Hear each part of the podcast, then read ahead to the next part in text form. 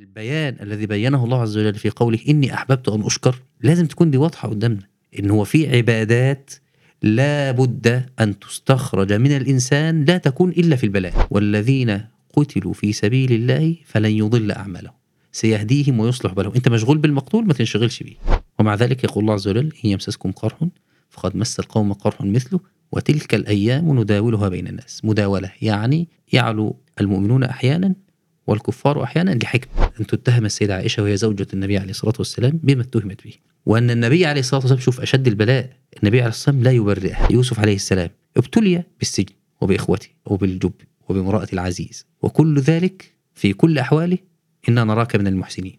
اترك الأمر لله عز وجل وهو يدبر لك ما فيه الخير لك. ما دمت تحسن الظن في الله. السلام عليكم. أنا هلال السيد وده فاهم بودكاست. كلنا شفنا الفترة اللي فاتت ثبات أهلنا في فلسطين رغم الضغوط والمصائب اللي حلت عليهم. والحقيقة الثبات ده أبهر العالم كله وأظهر جانب قوي جدا من الشخصية الإسلامية. وكان كفيل إنه يدفع غير المسلمين لقراءة القرآن والتعرف أكتر على الإسلام.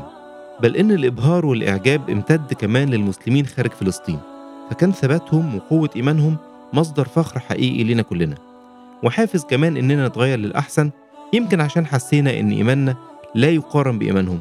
وتربيتنا مختلفة كتير عن تربيتهم وعشان محتاجين إننا نقف شوية مع الظاهرة دي معانا النهاردة الدكتور أحمد يحيى الشيخ باحث في الدراسات العقدية وحاصل فيها على مجموعة من الإجازات وله عناية خاصة بتراث شيخ الإسلام ابن تيمية.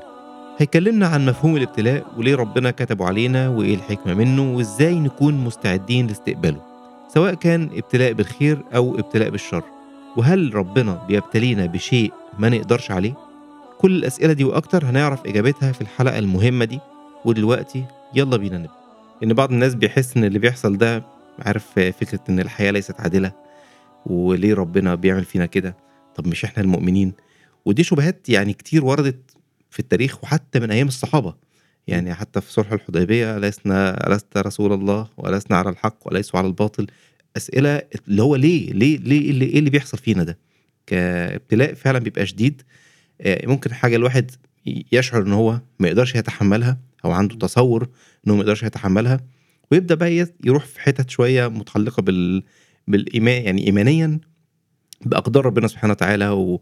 وإزاي بقى عايز يعرف يتعامل بقى مع مع المواقف دي إزاي مع البلاء إزاي آه، هل في تهيئة إيمانية للكلام ده؟ هل آه، في حاجات عملية؟ واحد زائد واحد بيساوي اتنين يعني حاجات مباشرة يعملها وقت الابتلاء.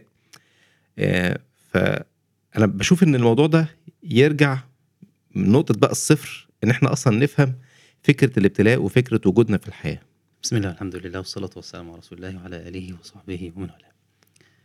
أنا هاخد آخر نقطة اتفضل ونبدأ بيها. اتفضل يعني هي نبدأ من الصفر فكرة وجودنا في الحياة. إيه علاقة الابتلاء بالدنيا؟ بطبيعة الحياة أصلا. لازم أفهم طبيعة الحياة إيه؟ أنا موجود فيها ليه؟ بعد كده المفترض ما بعد الحياة. ودي الأسئلة الوجودية اللي القرآن جاوب عليها. أو اللي المفترض إنك هتعمل في الدنيا علشان تجاوب عليها من خلال القرآن. فمفهوم الابتلاء الابتلاء ابتداء الابتلاء يعني اختبار أو الفتنة اللي هي بمعنى الاختبار برضه. يعني ربنا بيقول مثلا آه وإذ ابتلى إبراهيم ربه بكلمات يعني اختبره آه ونبلوكم بالشر والخير فتنة يعني اختبار امتحان انت في اختبار أو امتحان فكأنك في امتحان عادي بتجاوب على أسئلة مطلوب إنك تجاوب عليها. م.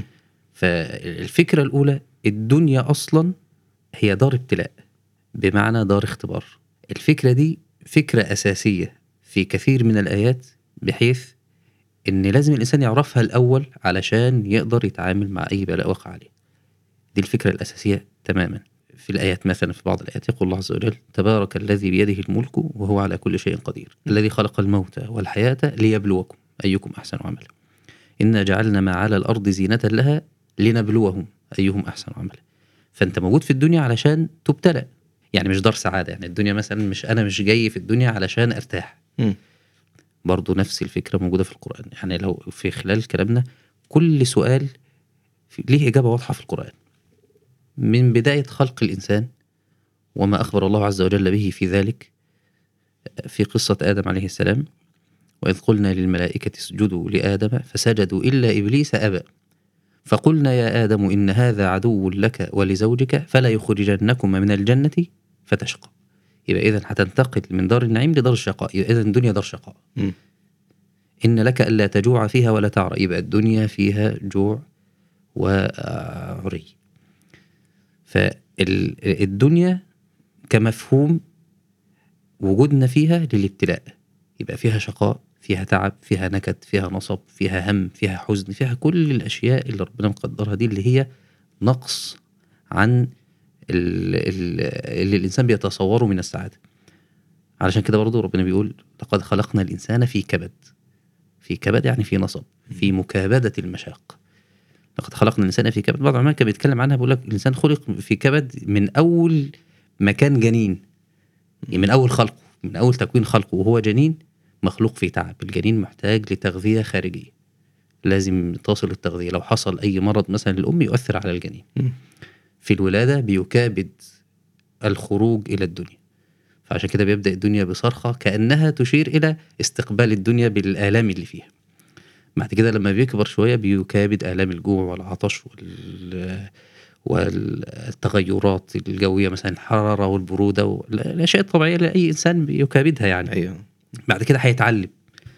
لما بيدخل مثلا التعليم مطلوب منه يذاكر ينام بدري. الحاجات دي ال- ك- كمفهوم للطفل ما هو ما هو برضه كبد.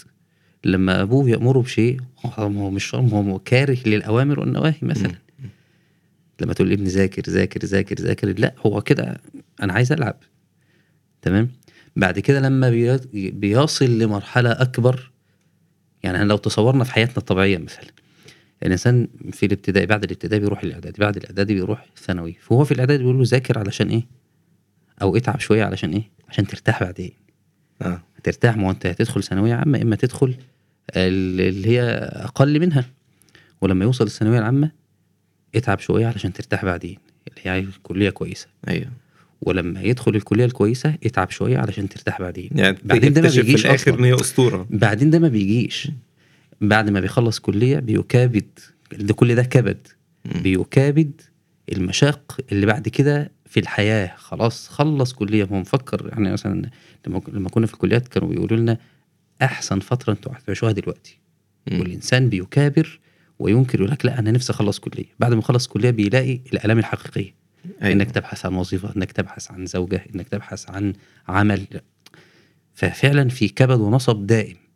بعد كده لما بيتزوج بيبقى عليه بدل ما كان شايل مسؤولية نفسه شايل مسؤولية أهل وأولاد ومسكن ومطلوب منه حاجات لازم يعملها غصب عنه. مم. فهنا بيتبين لقد خلقنا الإنسان في كبد. الإمام أحمد لما سئل متى الراحة؟ قال عند أول قدم تضعها في الجنة. يبقى الدنيا لحد ما تموت ما فيهاش شرح. هترتاح لما تدخل الجنة. لكن انت وجودك في الدنيا لازم تفهم انك وجودك في الدنيا للشقاء. تمام؟ فلا يخرجنكم من الجنة فتشقى. يبقى انت هتلاقي متاعب وآلام ومصائب وأشياء ربنا قدرها عليك لأن دي طبيعة الدنيا دي أول نقطة قبل ما ندخل بقى ليه؟ لا, لا أصلا دي طبيعة الدنيا لازم نفهم كده. طب يعني إيه كده كده هنبتلى؟ يعني إيه كده كده لازم البلاء واقع واقع؟ مش ممكن الدنيا تعدي كده من غير أي ابتلاء؟ طيب وإحنا فهمنا الأول طبيعة الدنيا إنها دار ابتلاء. طيب مش ممكن يعدي الأمر كده؟ لا مش ممكن. ده مش ممكن مش معناه مستحيل مش معناه إن هو ممتنع على الله عز وجل لا لأن ربنا قدر كده.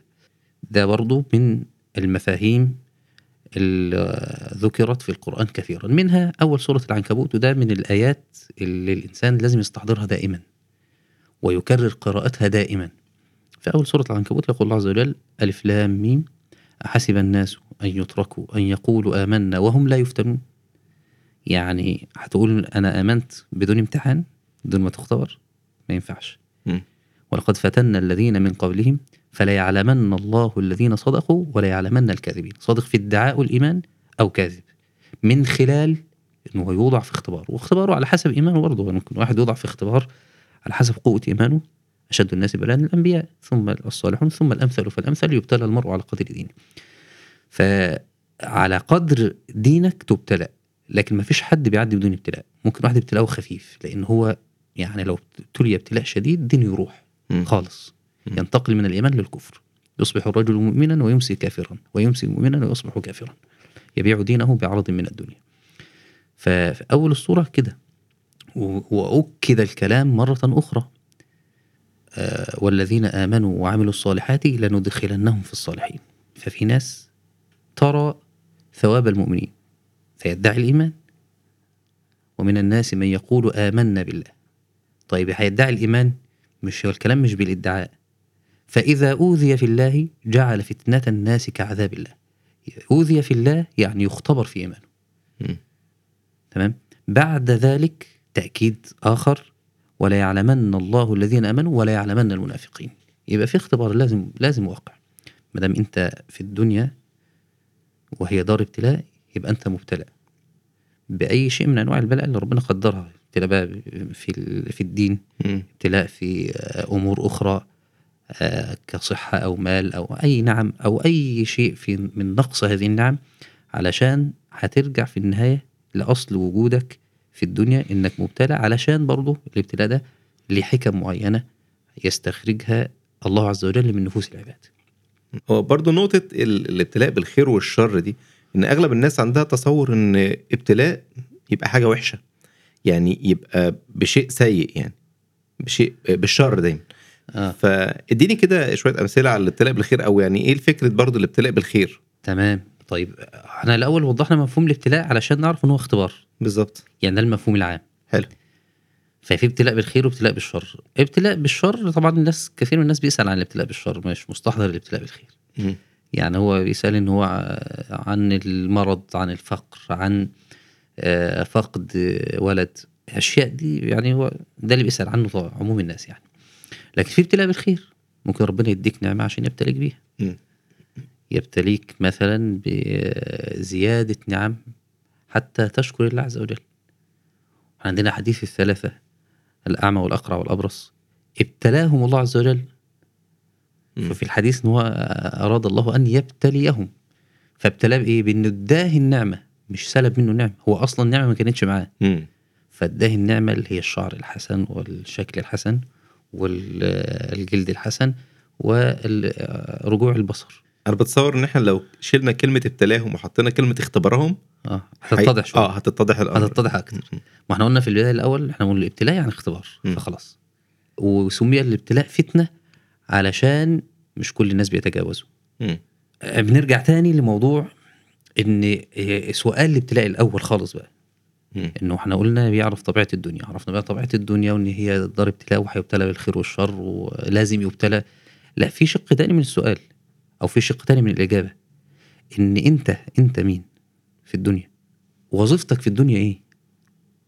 مم. العبودية يعني؟ العبودية. يبقى إذا أصل خلق الإنسان كما قال الله عز وجل وما خلقت الجن والإنس إلا ليعبدون. خلق الخلق كله لحكمة زي ما ربنا قال برضه وما خلقنا السماء والأرض وما بينهما باطلا. ذلك ظن الذين كفروا. أفحسبتم أنما خلقناكم عبثا وأنكم إلينا لا ترجعون؟ لا كل إنسان ال- الإنسان السماء والأرض الأشجار الأقمار الشموس. الجبال كل دي مخلوقة لحكمة وهي إقامة الحق. أبعد كمان من خلق السماوات والأرض والإنسان و آه، بعض الناس مثلا ممكن تشوف الحشرات أو ال- الكائنات المؤذية تحس إن هو ليه يا رب خلق الحاجة دي يعني ليه ربنا خلق الكائن المؤذي آه. ده مم. لسه الكلام بقى هندخل لما نخوض في آه، الكلام في الحكمة لكن ده برضو إشارة جيدة لمفهوم العبودية مم. برضو بنستحضر إن الكائنات لها عبوديات أنت مش لوحدك في الكون بتعبد ربنا مم. في عبوديات للكائنات ألم ترى أن الله يسجد له من في السماوات ومن في الأرض والشمس والقمر والنجوم والجبال والشجر والدواب وكثير من الناس وكثير حق عليه العذاب. لا ده اللي بيسأل اللي هو الإنسان هو اللي بينقسم إلى مؤمن وكافر. لكن الكائنات كلها بتعبد ربنا. مم. يعني وكثير من الناس يعبد وكثير حق عليه العذاب. لكن شمس وقمر وأشجار وكل دول بيعبدوا ربنا. وإن من شيء إلا يسبح بحمده. ولكن لا تفقهون تسبحهم ليه عبادة معينة؟ مم. ممكن أكون أنا معرفش كيفية عبادة هذه الكائنات. لها عبودية خاصة بها سواء علمها الإنسان أو لم يعلمها أنت ممكن تستحضر كمان أن هو عبوديتها في غيرها بعض الملوك الظلمة دخل عليه بعض العلماء فكانت هناك ذبابة تضايقه فطبعا إيه من باب الأسئلة اللي هو يعني هو بيظن إنها سؤال آه، من الأسئلة الجدلية يعني مم. فبيقول له لماذا خلق الله الذباب؟ قال حتى يذل به الطغاة لو كان فقط هذه الحكمة من خلق الذباب أو الحشرات لكانت كافية. كافية في إيه؟ في إن الإنسان ده عبد وناقص فيستدل بذلك على الكمال الإلهي. أن الله عز وجل له الكمال المطلق. وده الجزء الثالث من الإجابة. إن إحنا نفهم أول حاجة طبيعة الدنيا تاني شيء وظيفة الإنسان في الدنيا تالت شيء أنت إيه اعتقادك في الله أصلا؟ يعني أنت لما بتسأل عن الابتلاء وإن ربنا قدر أشياء في الكون واقعة عليك ده م- ده من من من كونه ربا. يعني آه، في بداية ال- الابتلاء تبارك الذي بيده الملك. فهذا ملكه. مم. وتعلم أنه ما قدر ذلك إلا لحكمة معينة. وهذه الحكمة مرتبطة بكونه عليما قديرا يفعل ما يشاء.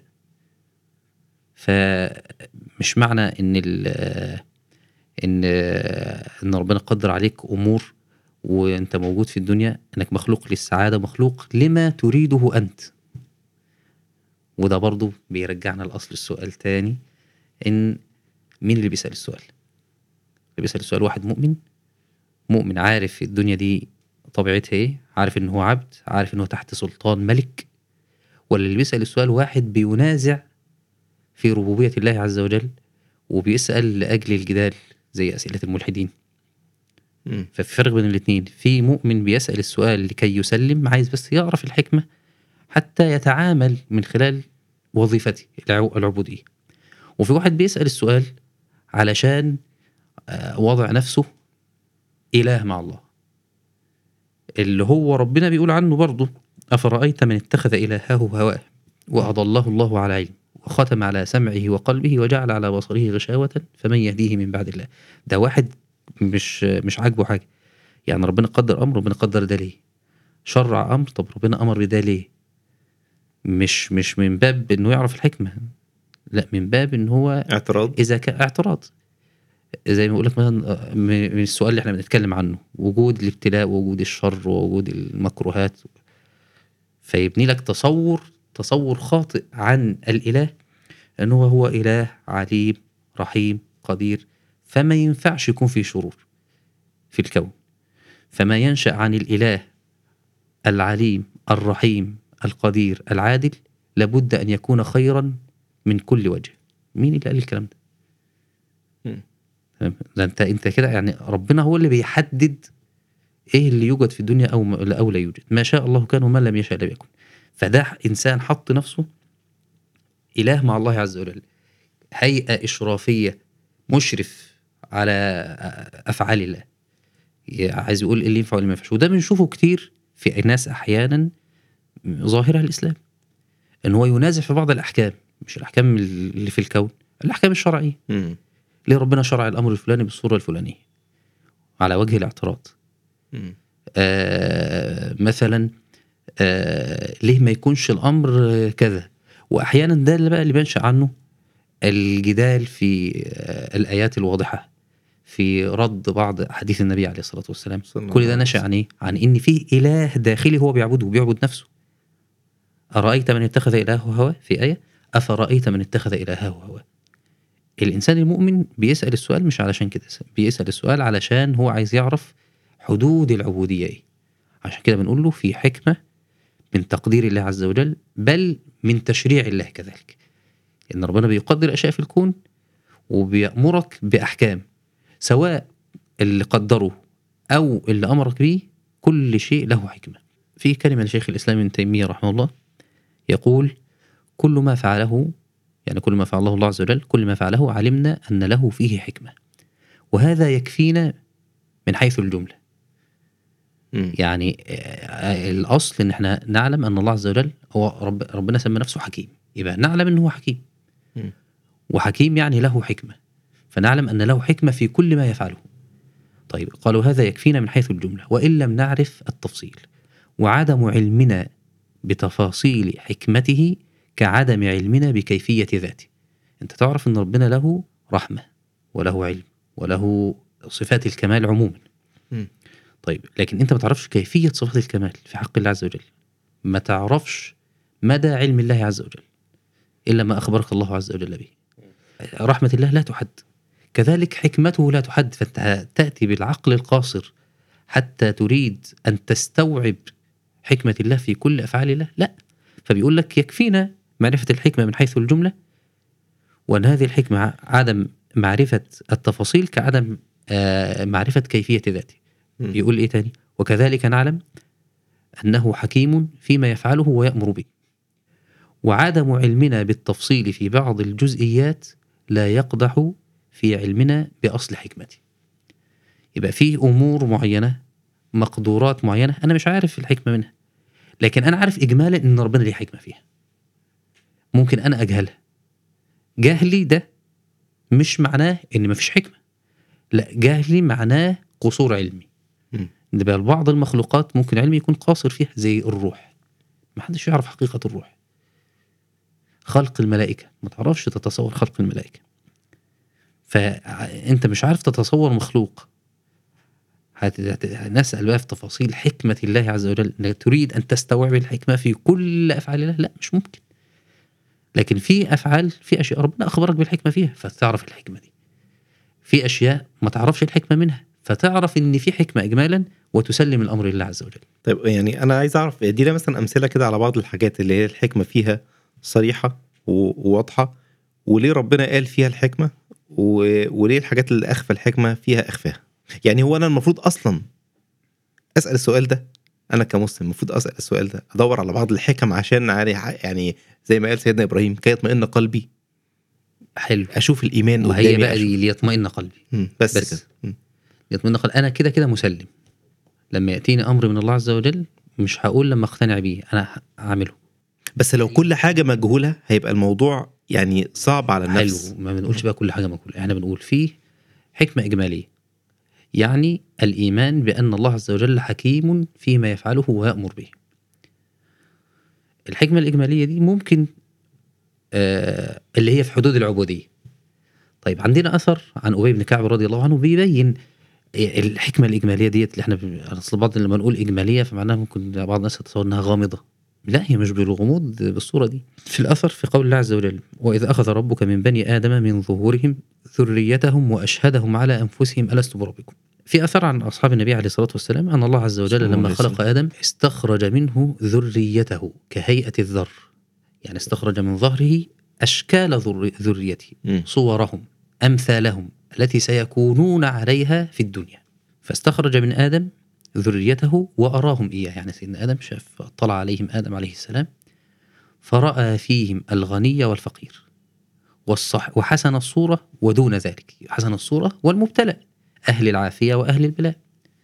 فقال ربي لولا سويت بين عبادك. السؤال بقى اللي في هتلاقيه في أذهان كثير من الناس. لما يكونش الناس كلها في نعم اللي ربنا بقى خص بعض الناس بالشر الفلاني وبعض الناس بالشر الفلاني وهكذا. فالإجابة العامة اللي هي الحكمة العامة بقى يقول الله عز وجل إني أحببت أن أشكر. يبقى إذن في حكمة عامة إنك لما تشوف أي نقص بشري تعرف إن مطلوب منك عبادة. أن تشكر الله عز وجل على النعمة التي عندك. حتى لو كنت من أهل البلاء. مم. يعني يعني إيه؟ يعني في آه، نعمة عندك وهذه النعمة ناقصة في غيرك. خلينا نتكلم بأمثلة عشان يبقى ال... وفي نعمة مم. ناقصة عندك يعني واحد فقير. حلو. تمام؟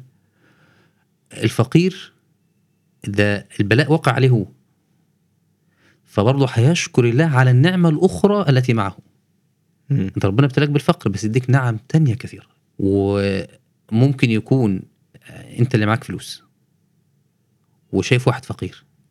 فبتشكر الله على النعمة التي معك اللي هي المال. فكله هيشكر. إني أحببت أن أشكر دي لكل الخلق. أيوه. تمام؟ لأن لن يعدم أحد خيرا آه، يعني. آه. طبعا كل إنسان فيه خير من الله عز وجل فيه م- يعني محوط بنعم الله عز وجل. فلو نقصت نعمة أنت عندك خير كتير. يعني نظرت للشر دايما الناس بتسأل عن الشر تنسى الخير. أنا ليه مبتلى بالشر؟ طب ما أنت مبتلى بالخير. مم. عندك نقص في نعمة ما عندك نعم تانية أكثر. ولذلك الإنسان مفهوم بقى ونبلوكم بالشر والخير فتنة. أنت ما تنظرش الابتلاء بالشر وتقف عند هذه الجزئية وأنت في خير كثير من الله عز وجل لم تستحقه بعمل. ده ربنا اداك هذا الخير فضلا منه واحسانا منه ورحمة منه بدون أي سابق فضل منك. مم. فده الايه دي اللي إحنا بنقول بنسميها الحكمة العامة أو الإجمالية. طيب الحكمة بقى طب, طب تفصيلا. ما تفصيلا إحنا ضربنا برضه يعتبر ضربنا المثال بتاعها يعني. في حكمة معينة مثلا إن هو ربنا يقدر عليك المرض أو يقدر عليك الفقر. أول شيء علشان يستخرج منك عبادات لا تكون إلا في وقت الشدة. الصبر مثلا. كيف يدعي الصبر؟ من لم يعط من المكاره ما يصبر عليه. يعني واحد يقول لك أنا صابر وما عندوش أي مكروه طب صبر عليه. ده بعض العبادات علشان فيها مشقة. ربنا أمرك بالصبر عليها وأمر أهلك بالصلاة واصطبر عليها. اصطبر عليها يعني إيه؟ يعني هذه الصلاة تحتاج مداومة وتصبير النفس على هذه الطاعة. الجهاد مثلا. مم. ده طبعا إحنا في وقت فيه جهاد و... ومجاهدة للكفار ومرابطة. يا أيها الذين آمنوا اصبروا وصابروا ورابطوا الجهاد ده شيء شاق على النفس جدا. تمام؟ كتب عليكم القتال وهو إيه؟ كره كره لكم. مم. فعبادات أهي وتحتاج مصابرة ومجاهدة. فدي أمثلة لأن بعض ال... بعض ال... الأشياء آه هتعرف حكمتها. وبعض الأشياء ممكن تخفى عليك الحكمة. تعلم أن الله عز وجل حكيم فيما يفعله ويقدره ويأمر به. طيب الأمثلة برضو اللي حضرتك ضربتها دلوقتي أمثلة يعني إن ربنا سبحانه وتعالى يحب أن يشكر إن يستخرج بعض العبوديات. هي حاسس إنها حكم متعلقة بال... بالجزاء الأخروي شوية. لكن الأغلب اللي بيسأل بيبقى في دماغه إيه؟ أو يعني الكلمة حتى الدرجة إيه على لساننا. يحصل واحد ابتلاء فيقول لك خير خير إن شاء الله ربنا يعني أكيد خير ده الخير ليك. يقصد بده إن ده الخير في الدنيا. آه. فمش شرط إن يعني يعني يعني الواحد بيدور على حكمة في الدنيا مش في الآخرة. ده بعض ال... يعني هو تصور ده ده, الناس. ده مفهوم قاصر للابتلاء معنى الابتلاء. وإحنا إحنا بدأنا الكلام ليه عن إنك تفهم وظيفة الإنسان وظيفتك في الدنيا. علشان لما تعرف الحكمة متعلقة أصلا بكونك عبد هتعمل إيه؟ عرفت الحكمة مطلوب منك إيه؟ ولذلك السؤال عن الحكمة ينبني عليه عمل مش جدل. السؤال عن الحكمة لازم ينبني عليه عمل العمل ده العبودية. ولذلك مفهوم الحكمة هنا مفهوم أوسع من مسألة مصلحة هتعود عليك. مم. مش شرط تكون مصلحة دنيوية. بعض الناس بيظل فقير ويموت على الفقر. فقير ومريض ومبتلى بأنواع البلاء ويموت على ذلك. في صبر فيه في شيء لازم يستخرج علشان يجازى عليه يوم القيامة. مم. بعض الناس لا يرفعها عملها في الجنة ترفع بالصبر. فلازم يكون مفهومنا للحكمة أوسع من مسألة إن أنا هيعود علي إيه من المصالح؟ صالح المصالح الدنيوية. الدنيوية. مم. فلا من في في مفهوم لازم يتظبط يتعدل في الجزئية دي. طيب برضو بما إننا بنتكلم عن الحكمة آه، وفي جزء يعني بعض الأجزاء ربنا سبحانه وتعالى وضحها في بعض الأجزاء ربنا سبحانه وتعالى أخفاها وإحنا ملناش إن إحنا نسأل عن الحكمة ونسأل عن كل حاجة إيه حكمتها؟ مم. طب عايز أنا عايز أعرف حدودي أقف فين؟ أنا عرفت أنا مين؟ أكيد. عرفت أنا مين؟ عبد. عبد. بتعامل مع مين؟ مع رب. ملك. مم. الإنسان لو تعاملت في العبودية تعاملها مع ملوك الدنيا هيت- هتتحل بعض الإشكالات. أنا بقول بعض مش كل يعني لأن عشان إيه؟ علشان آه لا مقارنة أصلا بين ملك الله عز وجل وبين ملك ملوك الدنيا. بسأل عن الحكمة علشان في عبودية. لو وصل الأمر إن مفيش عمل هينبني على كده أكف عن السؤال. يعني إيه؟ بمعنى الحكمة اللي أنا بسأل عنها هينبني عليها عمل ولا لأ؟ أنا عايز أعرف سبب تقدير الله عز وجل لأمر معين. ليه؟ علشان أعبد الله عز وجل على هذا الأمر عبودية خاصة. لا أنا ممكن عايز أسأل عشان أفهم. عشان أفهم هعبد الله هزيد في العبودية. آه، الشكر مش قلنا إني أحببت أن أشكر؟ مم. يبقى دي عبادة. أنا عايز أفهم ليه في واحد مبتلى وربنا عافاني من هذا البلاء؟ علشان أشكر. أنا عايز أفهم ليه ربنا ابتلاني في شيء عندي نقص في شيء معين ما ادانيش هذا الشيء كاملا علشان أشكر في شيء تاني. وأصبر في هذا النقص. طيب في حدود للسؤال اللي هي تنتهي عند حد العبودية. طيب إحنا عايزين بقى نقسم أو نقول مثلا آه إن في أسئلة الحكمة ظاهرة وفي أسئلة الحكمة مش ظاهرة فإحنا هنعلقها على الحكمة الإيه؟ الحكمة الإجمالية. الاجماليه. مع اعتقادنا أن الله عز وجل يفعل ما يشاء بحكم كونه ربا سيدا ملكا يتصرف في ملكه. وأنا عبد. في أشياء الحكمة فيها ظاهرة؟ خلاص ديت مفيش إشكال الحكمه تبينت لي. طيب والحكمة مش ظاهرة. أعلق الأمر على المشيئة مشيئة الله عز وجل. و... وأنا ساعة ما أعلق الأمر على المشيئة معتقد إن المشيئة مرتبطة بالحكمة. إن هذا الأمر اللي أنا بقول فيه يفعل ما يشاء ويخلق ما يشاء وما شاء الله كان وما لم يشاء لم يكن معتقد إن هذا الأمر ده في حكمة غائبة عني. علشان كده ربنا قارن بين الحكمة والمشيئة. وبين الحكمة والملك. يسبح لله ما في السماوات وما في الأرض له الملك وله الحمد. الحمد راجع إلى الحكمة بيحمد على فعله لأن هو لو كان يفعل عبثا مش هيحمد. واحد بيفعل بلا بلا هدف بلا من, من الناس يعني. ممكن تمدحه على على فعل شيء بدون غاية؟ لا طبعا. مش ممكن. مم. الله عز وجل له المثل الأعلى له الملك وله الحمد. كذلك آه، في قول الله عز وجل في الآية لله ملك السماوات والأرض يخلق ما يشاء يهب لمن يشاء إناثا ويهب لمن يشاء الذكور أو يزوجهم ذكرانا وإناثا ويجعل من يشاء عقيما إنه عليم قدير. بداية الآية الملك والمشيئة لله ملك السماوات والأرض يخلق ما يشاء. كويس. وبعدين تقديرات متنوعة في الخلق. مم. يهب لمن يشاء الذكور يعطيهم ذكور فقط أو إناث فقط أو ذكور وإناث أو لا ذكور ولا إناث. وهذا فعله مبني على علم إنه عليم قدير. والآية اللي بعدها على طول إنه علي حكيم. فالتشريعات والتقديرات مبنية أو ناشئة عن كمال الله عز وجل وكمال أسمائه وصفاته. طيب في مسائل ممكن سؤال يسأل ولا تكون الإجابة بالبحث عن الحكمة لا الإجابة بالسكوت بالكف. لقول النبي عليه الصلاة والسلام إذا ذكر القدر فأمسكوا. لو في غوص بقى في القدر في فوق حدود العبودية لا أمسك. لما تيجي تسأل بس الأسئلة اللي هي أوائل الأسئلة إن هو ليه ربنا قدر هذا الأمر؟ ليه ربنا أراد وجود مثلا آه، الكفر؟ حتى يكون في حكم كذا وكذا وكذا وكذا.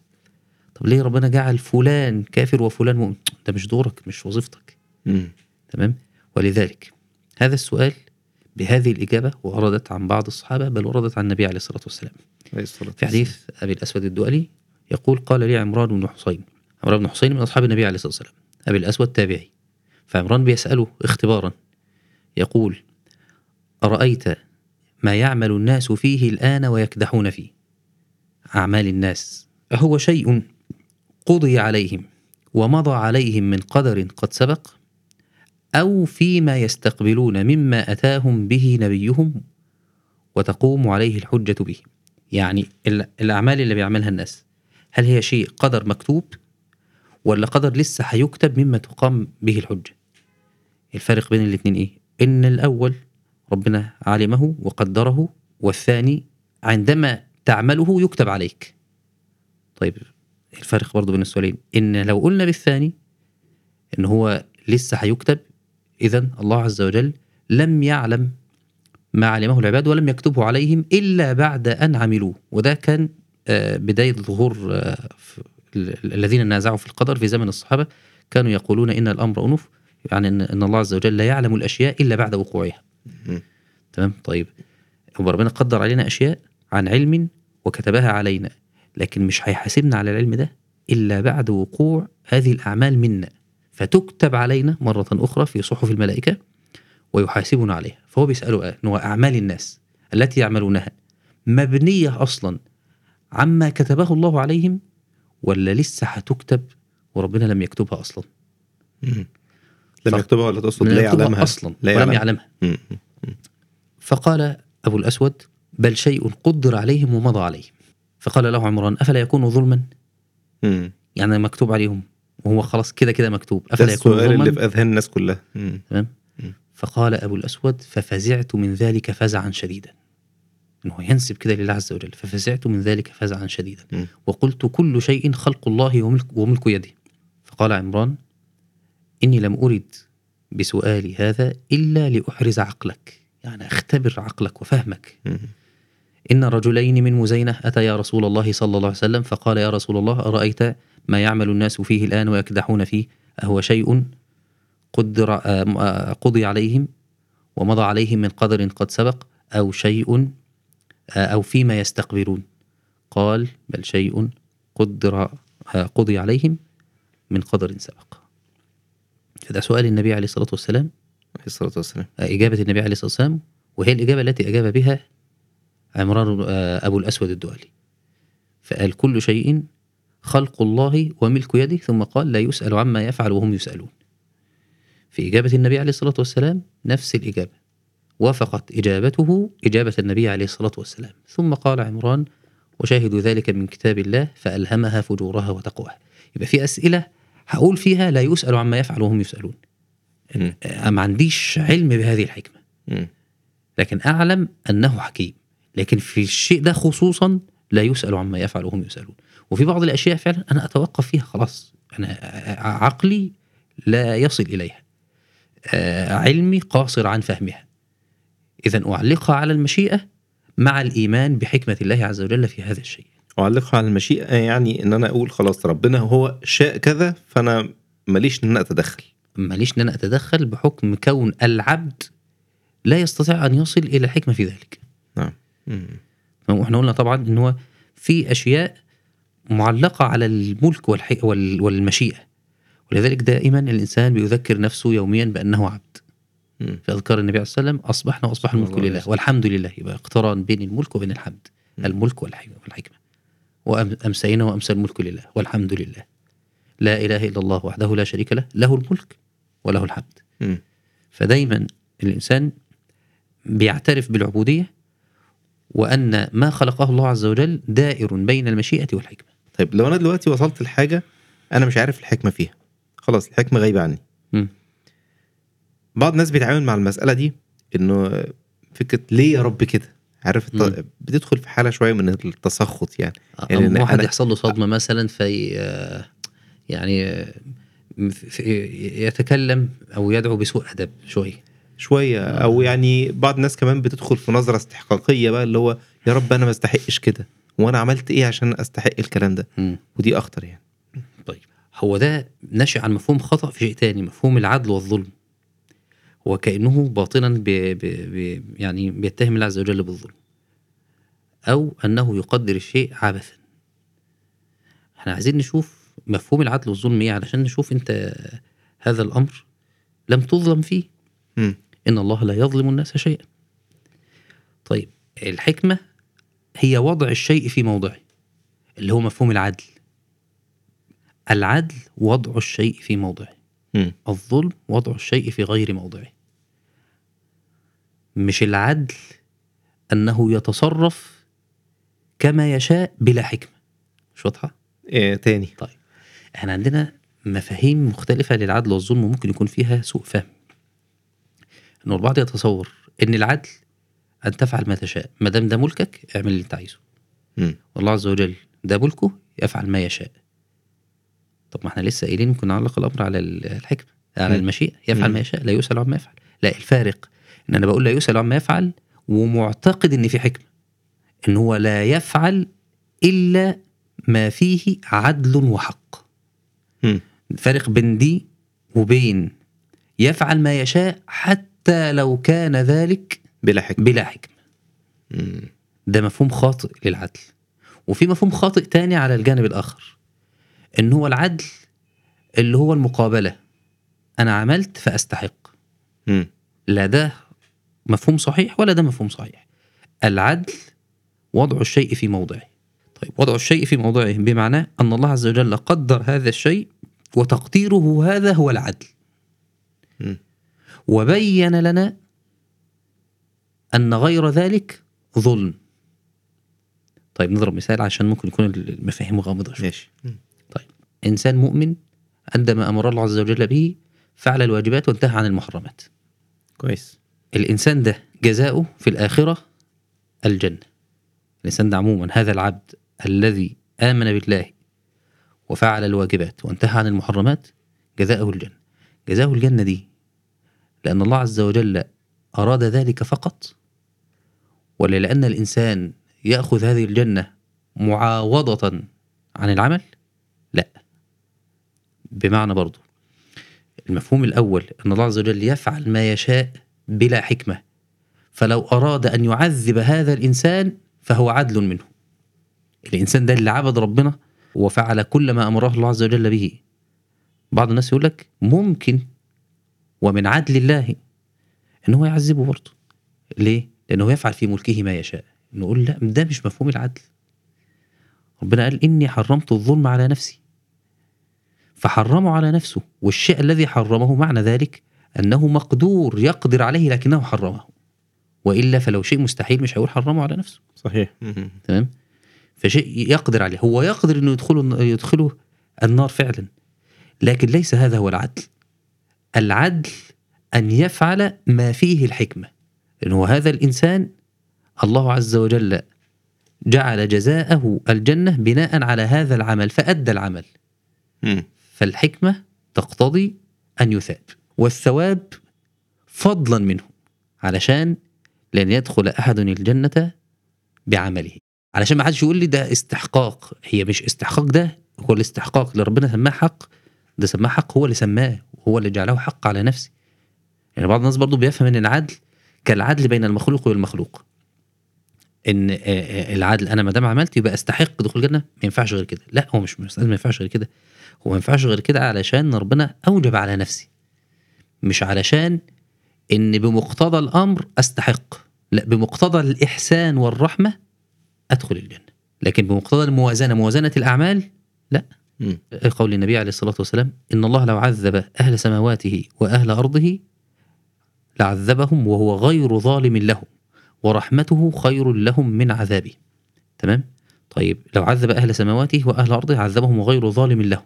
يعني لو أهل السماوات وأهل الأرض رغم عباداتهم بالأنبياء والملائكة لو عذبهم لكان ذلك منه عدلا بعض الناس هيفهموا خطأ الحديث ده.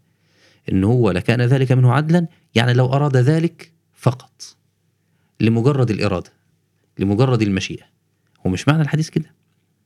معناه لو عاملهم بعدله وميزان الأعمال بالعدل لعذبهم. ودليل كده حديث آخر يسمى حديث صاحب الرمانة عن رجل كان يعبد الله عز وجل 500 سنة. وطبعا أعمار الأمم السابقة كانت أعمار طويلة. كان يعبد الله عز وجل 500 سنة في جزيرة وكان يعبد الله عز وجل ليل نهار. وإن الله عز وجل أخرج له عينا تنبع منها الماء وشجرة تخرج له في كل يوم رمانة يتقوت بها يتغذى بها.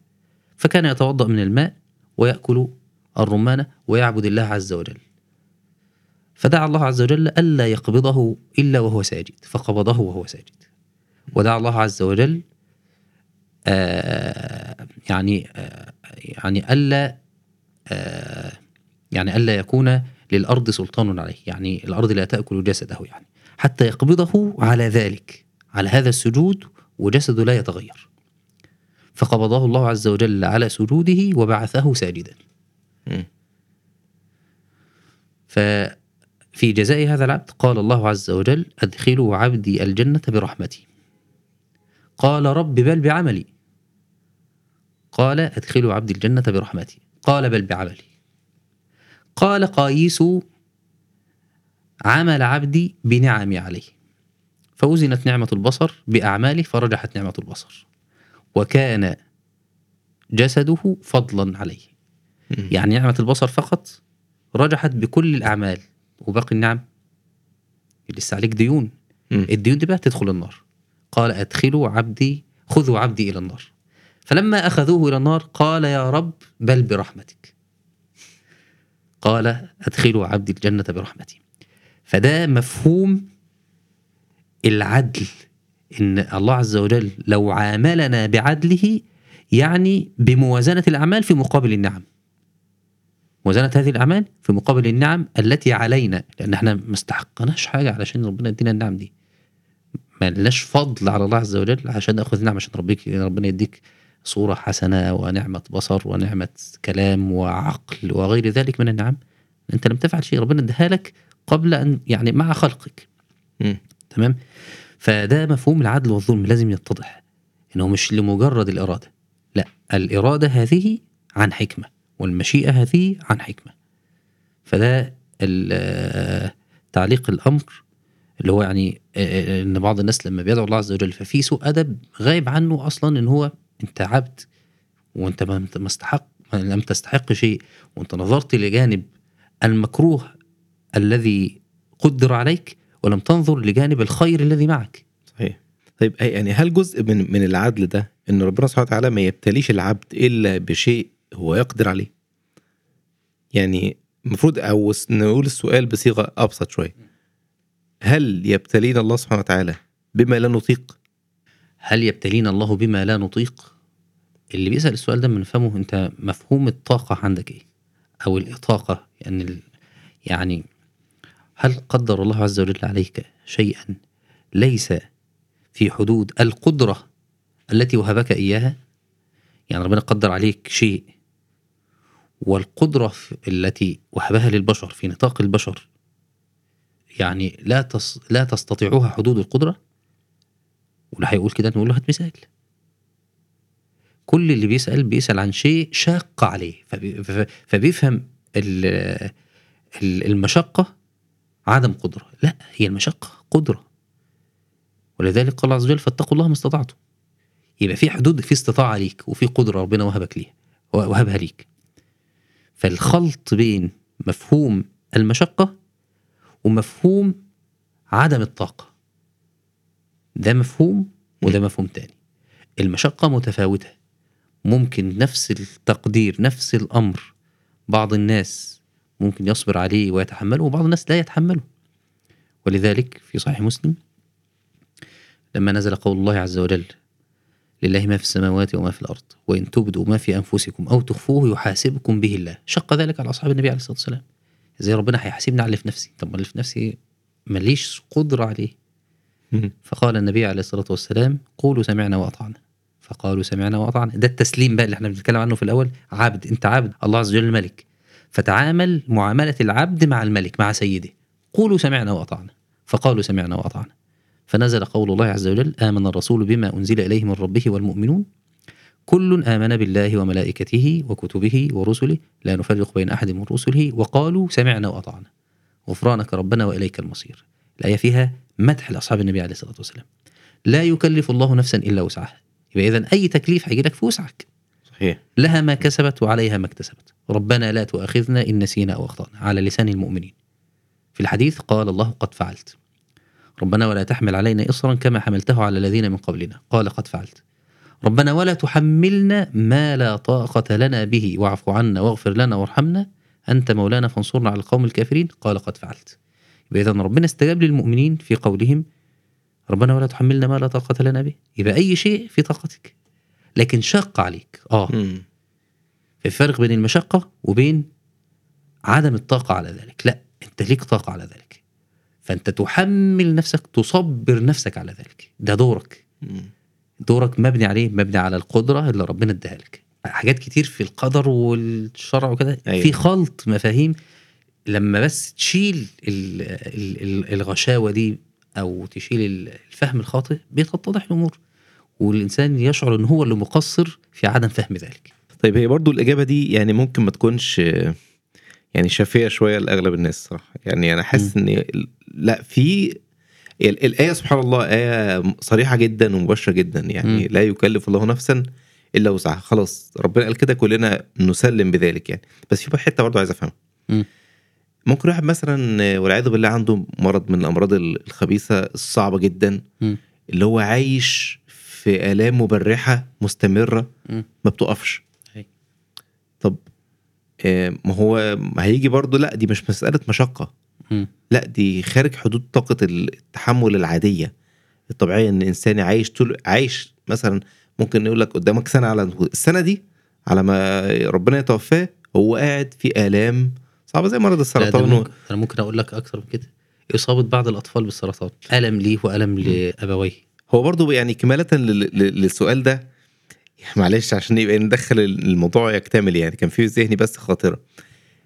إن ليه ربنا خلق الكون فيه الشر ده أو فيه هذه الآلام آه. الشديده في الم شديد. ليه ليه؟ طب ما كان ربنا يقدر طبعا هو يعني هو حكيم عليم وكل حاجة لكن السؤال برضو اللي بي اللي بيتردد ليه حجم الشر اللي موجود في الكون؟ ليه القتل الكتير ده؟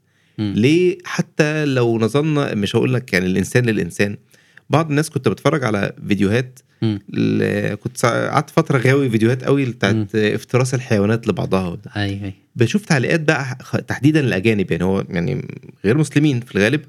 فبشوف تعليقاتهم سبحان الله تعرف يعني قد إيه عظمة الإسلام إن هو بيدي لك إجابة كده أيوه فكان بيقولوا إن ده دليل قاطع على إن مفيش رب مفيش إله في هذا الكون. هو طبعا إحنا إحنا طبعا أنا مش عايز أدخل في هو ده مجموعة أسئلة في. بعضها أنا عارف يعني. إحنا دلوقتي حاليا آه، هو إحنا كده هنتجاوز مفهوم الابتلاء شوية وهندخل للجزء الفلسفي مش عايزين نوصل للجزء الفلسفي قوي إن هو كسبب من أسباب إلحاد بعض الناس وإن هو مش فاهم آه المقدمة بقى اللي إحنا قلناها مم. طبيعة الدنيا وإن هو عبد وإن هو في في حكمة في خلق بعض الأشياء في تقدير بعض الأشياء لكن إحنا بنقول عموما يعني هل ربنا قادر على منع هذه الشرور؟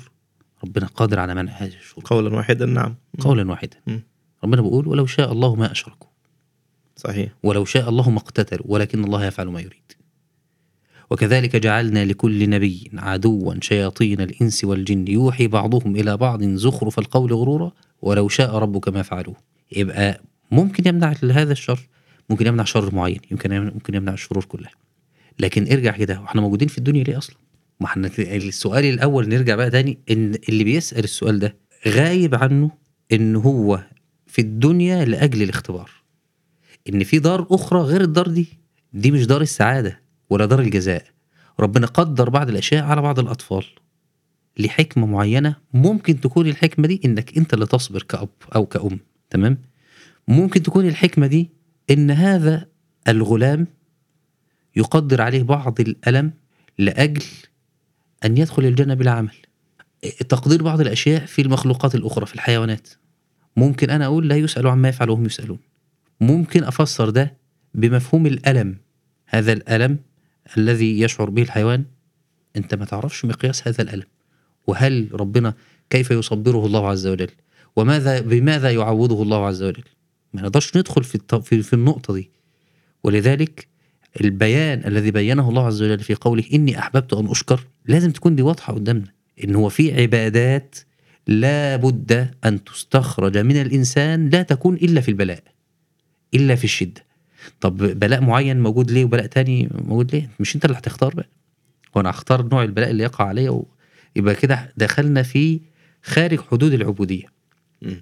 دخلت في في في اختيار أفعال الله عز وجل. ربنا يفعل شيء يفعل إيه وما يفعل ما يفعلش إيه لا ما شاء الله كان وما لم يشاء لم يكن.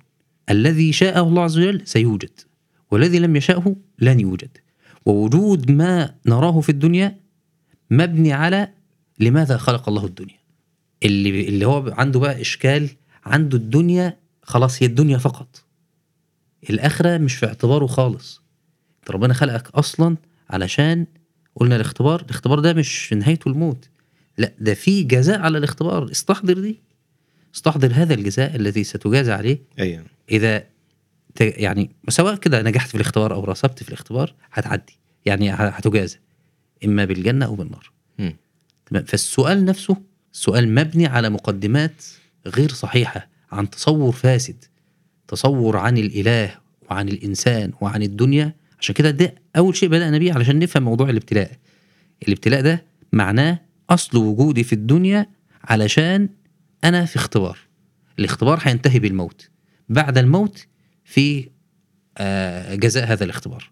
فلما واحد يسألني ليه بقى ربنا طول الألم ده شوية؟ علشان عبادتك تزيد. ماشي؟ ذلك ولو يشاء الله لانتصر منه. بص للأحداث الحاليه الضرب في المسلمين أكثر من عشرة ألاف قتيل. أكثر من أربعة ألاف طفل. لعل الله قدر عليهم ذلك حتى لا يعانوا في الدنيا بعد ذلك من آلام أخرى. لا يجد الشهيد من الألم إلا كمثل إيه؟ إلا كالقرصة. تمام؟ يعني هو ما- ما بيشعرش بالألم. أنت متألم حاليا. ألمك اللي أنت عايش فيه أشد من ألم الشهيد. الألم الشهيد خلاص هي القرصة وانتقل إلى دار يعني أفضل من هذه الدار إلى الدار الآخرة. فربنا بيقول ذلك ولو يشاء الله لانتصر منهم ولكن ليبلو بعضكم ببعض.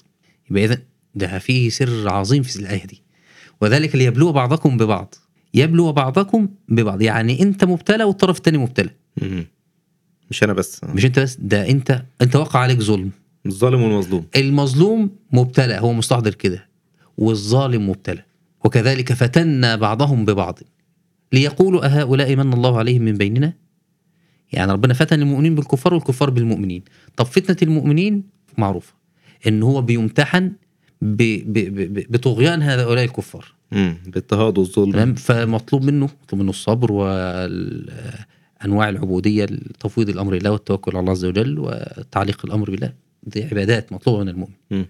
ابتلاء الكافر ليقولوا أهؤلاء من الله عليهم من بيننا؟ ده ما نجحش في الاختبار ده ابتلاء أشد من من ابتلائك يعني الكافر والظالم اللي مش عارف إنه مبتلى ده غير المؤمن اللي عارف إنه مبتلى فهيتعامل في حدود العبودية مم. سبحان الله. فابتلاء في بقى ده مفهوم يعني لو استحضرنا بقى طبيعة الدنيا والعبودية وكذا لو استحضرنا إن كل إنسان مبتلى هتشوف إن الكافر مبتلى زي ما أنت مبتلى والظالم مبتلى زي ما أنت مبتلى وابتلاءه أشد من ابتلاءك لأن كل ما يبتلى كل ما هيزداد عذابه وأنت كل ما تبتلى وتتعامل بحدود العبودية في ذلك سيزداد ثوابك عند الله عز وجل الآية برضو تاني علشان برضو الأح- الأحداث الواحد يعني دايما بيستحضرها ويقول يعني طب ربنا يعني في آلام إحنا حاسين بيها فعلا. إحنا آلام المسلمين والإنسان خلاص لما بيشوف فيديو أو يشوف حاجة فيها قتل للمسلمين وتدمير لمساجد ومستشفيات وغير ذلك بس بستحضر برضو برجع تاني وأقول طب ما هو حصل الكلام ده كثيرا قبل ذلك أيوه مش أول ولا آخر مرة مش مش أول ولا آخر ابتلاء مش حتى يقول الرسول والذين آمنوا معه متى نصر الله إذا كان نبي وواثق بعد الله عز وجل وكان البلاء شديد عليه لدرجة أن يقول متى نصر الله فما بالك بك أنت أنت. البلاء بالنسبة لك أنت متحمل. وإنك تقول متى نصر الله ده يعني لسه ما وصلتش برضه للدرجة دي. وزلزلوا. يعني في ربنا بيخبر عنهم زلزلوا. تمام؟ ذلك ولو يشاء الله لانتصر منهم ولكن ليبلغ بعضكم ببعض. والذين قتلوا في سبيل الله فلن يضل أعمالهم. سيهديهم ويصلح بالهم. أنت مشغول بالمقتول؟ ما تنشغلش بيه. قتل في سبيل الله؟ ده ده خلاص ده انتقل على طول لدار الجزاء والثواب المباشر. والذين قتلوا في سبيل الله فلن يضل أعمالهم. سيهديهم ويصلح بالهم ويدخلهم الجنة عرفها لهم. وبعدين يا أيها الذين آمنوا إن تنصروا الله ينصركم ويثبت أقدامكم. أنت أعمل اللي عليك. وما تنشغلش بربنا عمل ده ليه وما عملش ده ليه. أنت مطلوب في تكليفك عبوديتك إنك تعمل اللي ربنا أمرك بيه. لكن ربنا قادر على كذا؟ قادر. طب ليه ما عملش كذا؟ مش مش شغلك لأن أنت عبد. أنا عاجبني قوي إن ثلاث أربع أسئلة من اللي اتسألوا إجابتهم تقريبا بتتلخص في فكرة العبودية. آه.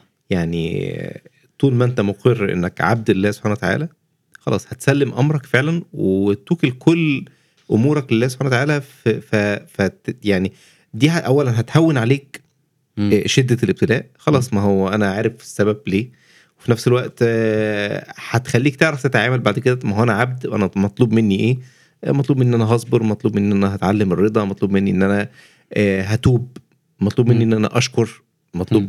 يعني مختلف أنواع العبودية على حسب الابتلاء. وبمناسبة بقى السؤال ده أنا عايز أسمع من حضرتك إزاي نقدر نتعامل مع الابتلاءات؟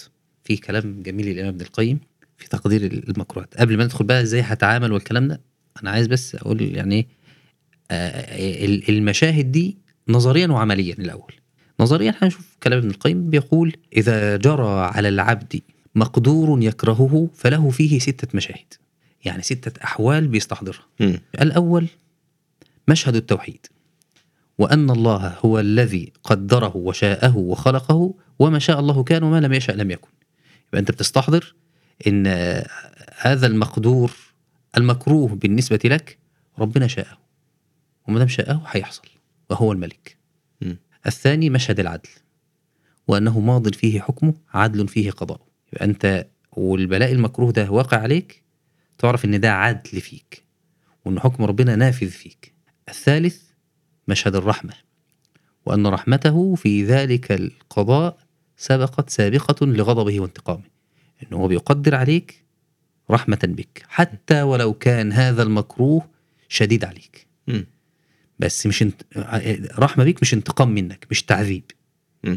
ف... فتنظر لمشاهد الرحمة في ذلك من الرحمة مثلا إن هو ممكن يدفع عنك سوء أشد منه يعني تبص للقدر المكروه ده ان ممكن كان يكون شيء أشد من ذلك. فقدر عليك الأخف رحمة بك.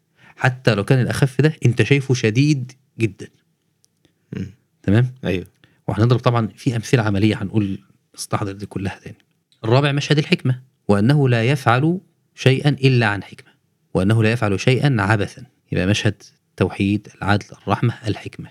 مشهد الحمد وأن له الحمد التام على ذلك من جميع الوجوه. إن لما تصاب بمصيبة تحمد الله عز وجل. م. ليه؟ علشان فيها مصالح إحنا اتكلمنا عن المصالح الأخروية وإنه يرفع درجاتك. ففيها تحمد الله عز- عز وجل على تقدير ذلك. مشهد العبودية عشان كده إحنا بنأكد على موضوع العبودية على طول كده. مشهد العبودية وأنه عبد محض لله عز وجل وأن هذا العبد تجري عليه أحكام سيده بحكم كونه ملكه وعبده. إن ربنا آه، أحكامه ستجري عليك لأنك عبد. لمجرد أنك عبد. م. فترضى بما قضاه الله عز وجل عليك لأنك عبد. فتشهد هذه المشاهد في كل أمر مقدر عليك مما تكره تعال كده نشوف عمليا. عمليا إيه بقى؟ عمليا ان أنا أنظر نظرة شاملة لقدر معين. يعني بعض الناس برضو بيقتطع حدث عن الترابط الكوني الذي خلقه الله عز وجل فيه. يعني أصيب بمرض. فيبص للمرض فقط. ما بينظرش للمرض كمنظومة متكاملة إن هو سيصاب بهذا المرض علشان فيه هيقدر عليه أشياء بعد ذلك. واحد دخل كلية معينة وكان يتمنى كلية أفضل منها لم يوفق في ذلك. لكن لما دخل الكلية اللي هو ما كانش عايزها اللي هي أقل مما كان يريد انبنى على ذلك أنه يعرف فلان وفلان عرفه بصاحب تجارة فربنا رزقه أموال. بناء على ذلك مثلا تعرف على أناس فربنا أكرمه بزوجة صالحة. كل دي مم. منظومة متكاملة. أيوه. ما ينفعش بعد ذلك وهذه أمور مرتبة يجي بعد ذلك بس ليه ربنا قدر ان أنا ادخل الكلية الفلانية؟ كنت عايز أدخل كذا. كان ممكن مسار حياتك مسار بالكامل حياتك يتغير. بالكامل كان هيتغير. فما تبصش لل- للحدث الجزئي كمثال لهذه المنظومة المتكاملة بعض التقديرات اللي ربنا قدرها. وفي الظاهر لو خدناها بنظرة بسيطة هنقول ده مكروه. وإحنا عايزين نأكد برضو على إن ما من مخلوق خلقه الله عز وجل وفيه شر إلا وفيه خير من وجه آخر.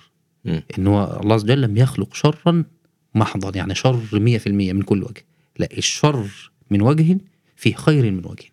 طيب الأمثلة على ذلك. مثلا أن الله عز وجل مثلا خلق إبليس. أعلى أنواع الشرور. مجمع الشر. سبب الشرور في الكون. لما نبص بقى للحكمة كاملة للمنظومة للترابط القدري اللي ربنا قدره. ننظر إلى قول النبي عليه الصلاة والسلام لو لم تذنبوا لذهب الله بكم ولا جاء بقوم يذنبون فيستغفرون فيغفر لهم. ربنا بيحب السؤال بيحب أن تسأله. ففي عبادة أن تسأل الله عز وجل أن تكون فقير إلى الله. فده فقير إلى الله وتسأل الله يبقى تخطئ. يبقى ربنا قدر عليك وجود سبب هذا الخطأ اللي هو إبليس. يبقى وجود إبليس خير من وجه آخر. م. تمام؟ انت تعصي الله عز وجل بعد المعصية ربنا يقدر لك التوبة فتكون أفضل حالا مما قبل المعصية. م. ما حدث في غزوة أحد. هزيمه المسلمين قتل منهم سبعون ومن منهم من كان من كبار أصحاب النبي عليه الصلاة والسلام. عليه الصلاة والسلام. ومات ولم يشاهد نصرا ولا رأى آه، فتح بلاد المسلمين ولا غير ذلك. ومات. في سورة آل عمران أنواع من الحكم ربنا ذكرها في تقدير ذلك على المؤمنين. منها مثلا قول الله عز وجل إن يمسسكم قرح وعايزين نستحضر الحاجات دي في الأحداث الحالية برضو عشان ده جيش فيه النبي عليه الصلاة والسلام وفيه خيار الصحابة والسلام. وقدر عليه هذه المصائب. فما بالك ب- إحنا على تقصيرنا وعلى أخطائنا الكثيرة و... وما فيش حد يعني يبلغ منزلة أصحاب النبي عليه وسلم مش هقول نبي يبلغ منزلة أصحاب النبي عليه الصلاة والسلام. ومع ذلك يقول الله عز وجل إن يمسسكم قرح فقد مس القوم قرح مثله وتلك الأيام نداولها بين الناس مداولة يعني يعلو المؤمنون أحيانا والكفار أحيانا لحكمة مم. وتلك الأيام نداولها بين الناس وليعلم الله الذين آمنوا ويتخذ منكم شهداء يبقى اذا بيقدر هذه الهزيمة أو هذه المصائب عشان يكون في شهداء علشان أجر الشهيد عند الله عز وجل قبل أجر الشهيد. الله عز وجل يحب أن تضحي بما معك له. م. هي مفهوم الع- العبادة إيه؟ مفهوم العبادة أصلا غاية الحب مع غاية الذل. تكون أشد درجات الذل لله عز وجل وأشد درجات الحب لله أشد درجات الحب أن تضحي بنفسك لله عز وجل.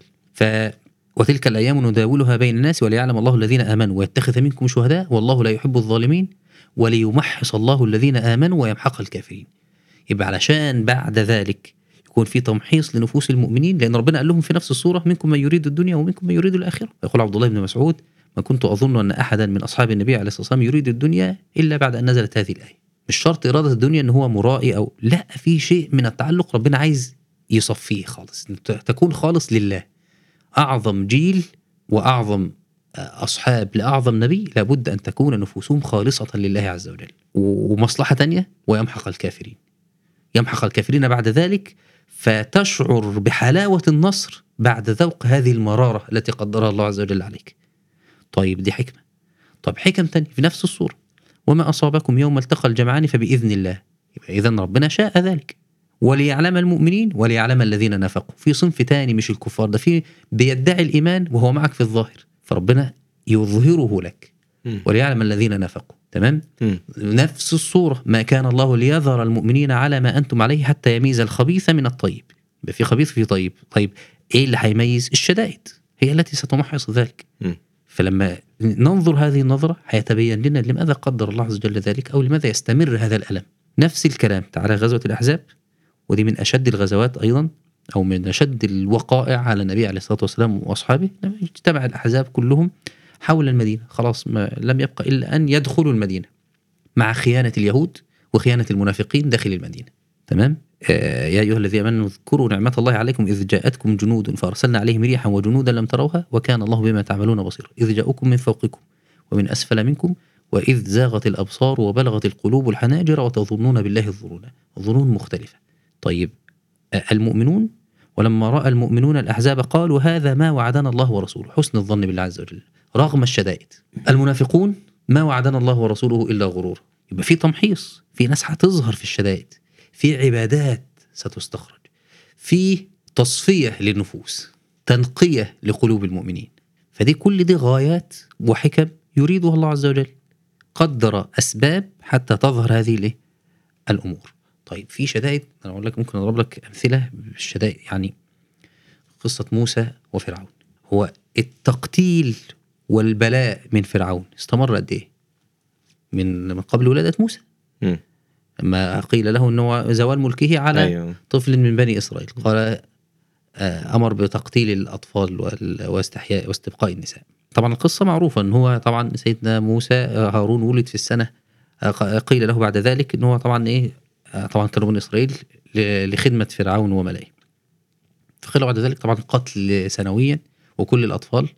ف كده هتخلص على بني إسرائيل مفيش خدم كده. فأمر بقتلهم سنة واستبقائهم سنة. ولد هارون عليه السلام في السنة التي تستبقى فيها الأطفال فلا يقتلوا وولد موسى في السنة التالية التي يقتل فيها الأطفال. مم. والقصة معروفة قصة أم موسى عليه السلام وتقدير ذلك. لما تبص لما قدره الله عز وجل وعناية الله عز وجل بموسى عليه السلام واصطنعتك لنفسي وما قدره طبعا آه، إن هو ربي في بيت فرعون. وبعد ذلك طبعا بعد ال- ال- النبوة وبلاء بني إسرائيل. طب إحنا بنتكلم من سنة إيه؟ من قبل ولادة موسى. بعد الإيمان بموسى. وقال الملأ من قوم فرعون أتذر موسى وقومه ليفسدوا في الأرض ويذرك وآلهتك؟ قال سنقتل ابنائهم ونستحيي نساءهم. تاني يبقى هو عنده طبعا هو ده بقى خلاص كده التعذيب مستمر مستمر. سنقتل ابنائهم ونستحيي نساءهم وإن فوقهم قاهرون. بلاء شديد. بلاء أنت بتتكلم عن أكتر من 40 سنة. ماشي؟ فده بلاء. سيدنا موسى اتعامل معاه إزاي؟ قال موسى لقومه استعينوا بالله واصبروا. إن الأرض لله يورثها من يشاء من عباده. ورثوا الأرض ولا لا؟ ورثوا وورثوا الأرض. في نفس الصورة وأورثنا القوم الذين كانوا يستضعفون مشارق الأرض ومغاربها التي باركنا فيها. يبقى في حكمة معينة عشان تشعر بهذه الحلاوة ولذة النصر والعناية الإلهية تذوق المرارة. لا عندك أنواع من الحكم قد تكون خفية عليك. في قصة موسى والخضر. إحنا بنتكلم برضه في الدائرة الإيه؟ النظرة الشاملة. سيدنا موسى كانت نظرته للحدث الذي أمامه فقط حتى بين له الخضر إن هذه الأمور وما فعلته عن أمري تمام؟ م. واتيناه من لدنا علما فلما وض- وضح له ذلك تبين إن في كل فعل حكمة. علشان كده برضو عايز كل فعل يقدره الله عز وجل عليك فيه حكمة. النبي عليه الصلاة والسلام يقول في عن قصة موسى يرحم الله موسى لوددنا أنه صبر حتى يقص علينا من أمرهما. يعني في أشياء تانية لم تقص علينا. يعني ممكن شيء يقدر في الكون أنت مش فاهم هو قدر على هذا الوجه. ليه؟ السؤال برضو اللي كان بيسأل ليه ليه على ليه ربنا قدره بالصورة الفلانية؟ أنت مش فاهم بس في حكمة. لو أطلعك الله عز وجل عليها لم تستنكر ذلك زي ما حصل مع موسى عليه السلام. مم. أصحاب الكهف خلاصة قص قصتهم أن الله عز وجل قدر عليهم هم هربوا طبعا من القوم الكفار فدخلوا الكهف فأماتهم الله عز وجل. قدر عليهم الموت أو النوم 300 سنين وازدادوا تسعة 309 سنة. إيه الحكمة؟ الحكمة عشان يقيم بهم الحجة على جيل آخر سيأتي بعد ذلك بعد 309 سنة. يقيم عليهم الحجة في البعث. تمام؟ هو مش هم مس هم مش مستحضرين الحكمة دي. لا هي حكمة يعلمه الله عز وجل. ما يعلمهاش إلا ما يعلمهاش أحد من الخلق إلا بعد وقوعها. و و وأن يراها بنظرة شاملة يعلمها الله يعلمه الله عز وجل اياها. السيدة عائشة ده كده الدنيا فتحت معانا ماشي. ما شاء الله السيدة عائشة مم. شوف البلاء اللي وقع على السيدة عائشة لما تبص للبلاء فقط تقول هو إيه المصلحة؟ إيه المصلحة أو إيه الحكمة إن ربنا يقدر ان, أن تتهم السيدة عائشة وهي زوجة النبي عليه الصلاة والسلام بما اتهمت به. وأن النبي عليه الصلاة والسلام شوف أشد البلاء النبي عليه الصلاة والسلام لا يبرئها بل يعني هي غاضبة من كلام النبي صلى الله عليه وسلم يا عائشة إن كنت ألممت بذنب فاستغفر الله ده الكلمة دي كانت أشد كلمة على عائشة رضي الله. عنها قالت وظللت أبكي حتى لا يرقع دمعي. من شدة الهول لم تتذكر اسم يعقوب عليه السلام. قالت ما مثلي ومثلكم إلا كما قال أبو يوسف. ما قالتش يعقوب إلا كما قال أبو يوسف. إنما أشكو بثي وحزني إلى الله. طيب إيه بقى الحكمة؟ فهي في سياق الأحداث بتقول وما كنت أظن أن ينزل الله في شأني وحيا يتلى ولا شأني في نفسي كان أحقر من أن يتكلم الله في بكلام يتلى. فأنزل الله إن الذين جاءوا بالإفك عصبة منكم لا تحسبوه شرا لكم بل هو خير لكم. إلى عشر آيات. تشوف حكم كثيرة من القصة دي. حكمة إن ربنا يرفع شأن السيدة عائشة. لأن في أقوام هتيجي بعد كده وتتكلم في فيها. فيقيم عليهم الحجة في القرآن. لا تحسبوه شرا لكم بل هو خير لكم. يتبين بعض الناس وصدق إيمانهم. النبي عليه الصلاة والسلام تعلم أنه لا يعلم الغيب. سبحان الله. وأن النبي عليه الصلاة والسلام لو كان يعلم الغيب لكان لبرأ السيدة عائشة. مباشرة. تمام؟ لكن ال- الصورة ال- ال- هذه القصة دليل على كمال الله عز وجل كمال صفاته الإلهية وأن صفات المخلوق لا تبلغ صفات الخالق مهما كان علمه. فأنت بتشوف كده في الأحداث والحكم لا ده أنا لو نظرت لل... لما يقدره الله بهذه النظرة اللي ربنا ذكرها في القرآن هتفك عني إشكالات كتير. هعرف أتعامل بعد ذلك في إيه؟ في كيفية التعامل إذا وقع علي البلاء. طول البلاء نفسه شديد. مم. شديد من كذا وجه. يعني هو طول البلاء مع عدم تبرئة النبي عليه الصلاة والسلام مع كونها صغيرة مع كونها ظل الأمر يتكلمون فيه وهي لا تشعر. مم. ومفيش حد بيدافع عنها. فبلاء شديد وقع عليه. شوف بقى جزاء هذا البلاء لما صبرت إن هو يتلى في شأنها القرآن إلى يوم القيامة. تمام؟ فإحنا قلنا إيه لما ما تبصش للشر كأن ده شر موجود فما فيش من وراه حكم. لا أنا عاوز أقول لك إن خلق النار وراءه حكم غير مسألة انه مجرد الجزاء جزاء الكفار. لا الله عز وجل يقول وترى الملائكة حافين من حول العرش يسبحون بحمد ربهم وقضي بينهم بالحق وقيل الحمد لله رب العالمين. قضي بينهم مش الملائكة. وطلع ملائكته حافين من حول العرش يسبحون بحمد ربهم إلى هنا انتهى الكلام. ثم قيل وقضي بينهم بالحق. قضي بينهم يعني بين- جميع الخلق. وقيل الحمد لله رب العالمين قال جميع الخلق الحمد لله رب العالمين المؤمن والكافر وأهل السماء وأهل الأرض والملائكة والإنس والجن. كلهم يقول الحمد لله رب العالمين. على إيه؟ على ظهور عدل الله عز وجل. يقول الحسن البصري في ذلك إنهم دخلوا النار يعني أهل النار إنهم دخلوا النار وإن حمد الله لفي قلوبهم لا يجدون عليه سبيلا. ما يقدرش يدفعه عن نفسه. هو شايف إن هو ده العدل هو يستحق دخول النار. فيحمد الله على ذلك. ظهور العدل. وربنا ما يقدر جهنم يقدر أن تأتي جهنم يوم القيامة. يؤتى بجهنم يوم القيامة. لها سبعون ألف زمام. مع كل زمام سبعون ألف ملك يجرونها. الفعل ده نفسه إن تأتي الملائكة وتجر جهنم. أكيد في حكمة من وراء. ظهور قدرة الله عز وجل. تخيل كده كام؟ سبعين ألف في سبعين ألف. كام ملك بيجر ده 400 مليون. الملك الواحد ممكن يهلك الكرة الأرضية. فإيه شعور الإنسان الكافر أو الظالم يوم القيامة لما ينظر إلى هذا المشهد؟ يبقى ظهور ملك الله وقدرته على جميع خلقه. أهل الجنة. لما عندما يدخلون الجنة. هو مش مجرد ثواب برضه. لا ده هو دخل الجنة وهو معترف بفضل الله عز وجل. وقالوا الحمد لله الذي هدانا لهذا وما كنا لنهتدي لولا أن هدانا الله. ده وهم داخلين الجنة. هداية الهداية إلى الجنة. يبقى معترف بفضل الله وفقره إلى الله عز وجل وأن الله هو الذي تفضل عليه بذلك ووفقه إلى ذلك. طيب إحنا كل ده بنتعامل؟ يعني لما سألت السؤال إحنا إزاي نتعامل مع البلاء؟ إحنا كده كل ده بنتكلم على النظر للبلاء أو مم. النظر يعني نحاول نفهم الأول مم. جزء نظري شوية. أنا عايز بقى الجزء العملي. إحنا برضو في شقين. الجزء العملي وإزاي أوصل للجزء العملي. كاستعداد يعني؟ آه. كويس. تمام؟ الجزء العملي يعني لما أصاب بمصيبة أعمل إيه؟ إحنا بنقول أنا أنا عبد. وفي نطاق العبودية. إيه بقى حدود العبودية اللي أنا أعملها؟ في وقوع المصيبة. أول شيء أن تفوض الأمر لله. الأمر وقع خلاص. تفوض الأمر وتعلم أنه وقع بقدر الله عز وجل. وقوع بقدر الله ده خلاص اعتقاد بقدر. اعتقاد بوقوع هذا الأمر. تفويض الأمر أن تترك التدبير وتحسن الظن في الله عز وجل. كل مسألة كل آه، أمر عملي دل عليه القرآن مم. ودلت عليه أحوال النبي عليه الصلاة والسلام. نقول لك نفوض الامر لله في سورة آل عمران. الذين قال لهم الناس إن الناس قد جمعوا لكم فاخشوهم فزادهم إيمانا. كل الناس اجتمعوا ال- المشركين حتى يقاتلوا المسلمين ثاني يوم بعد غزوة أحد. رغم الجراح والقتل الذي حصل. فالقول ال ال الذي لا يقال غيره في ذلك حسبنا الله ونعم الوكيل.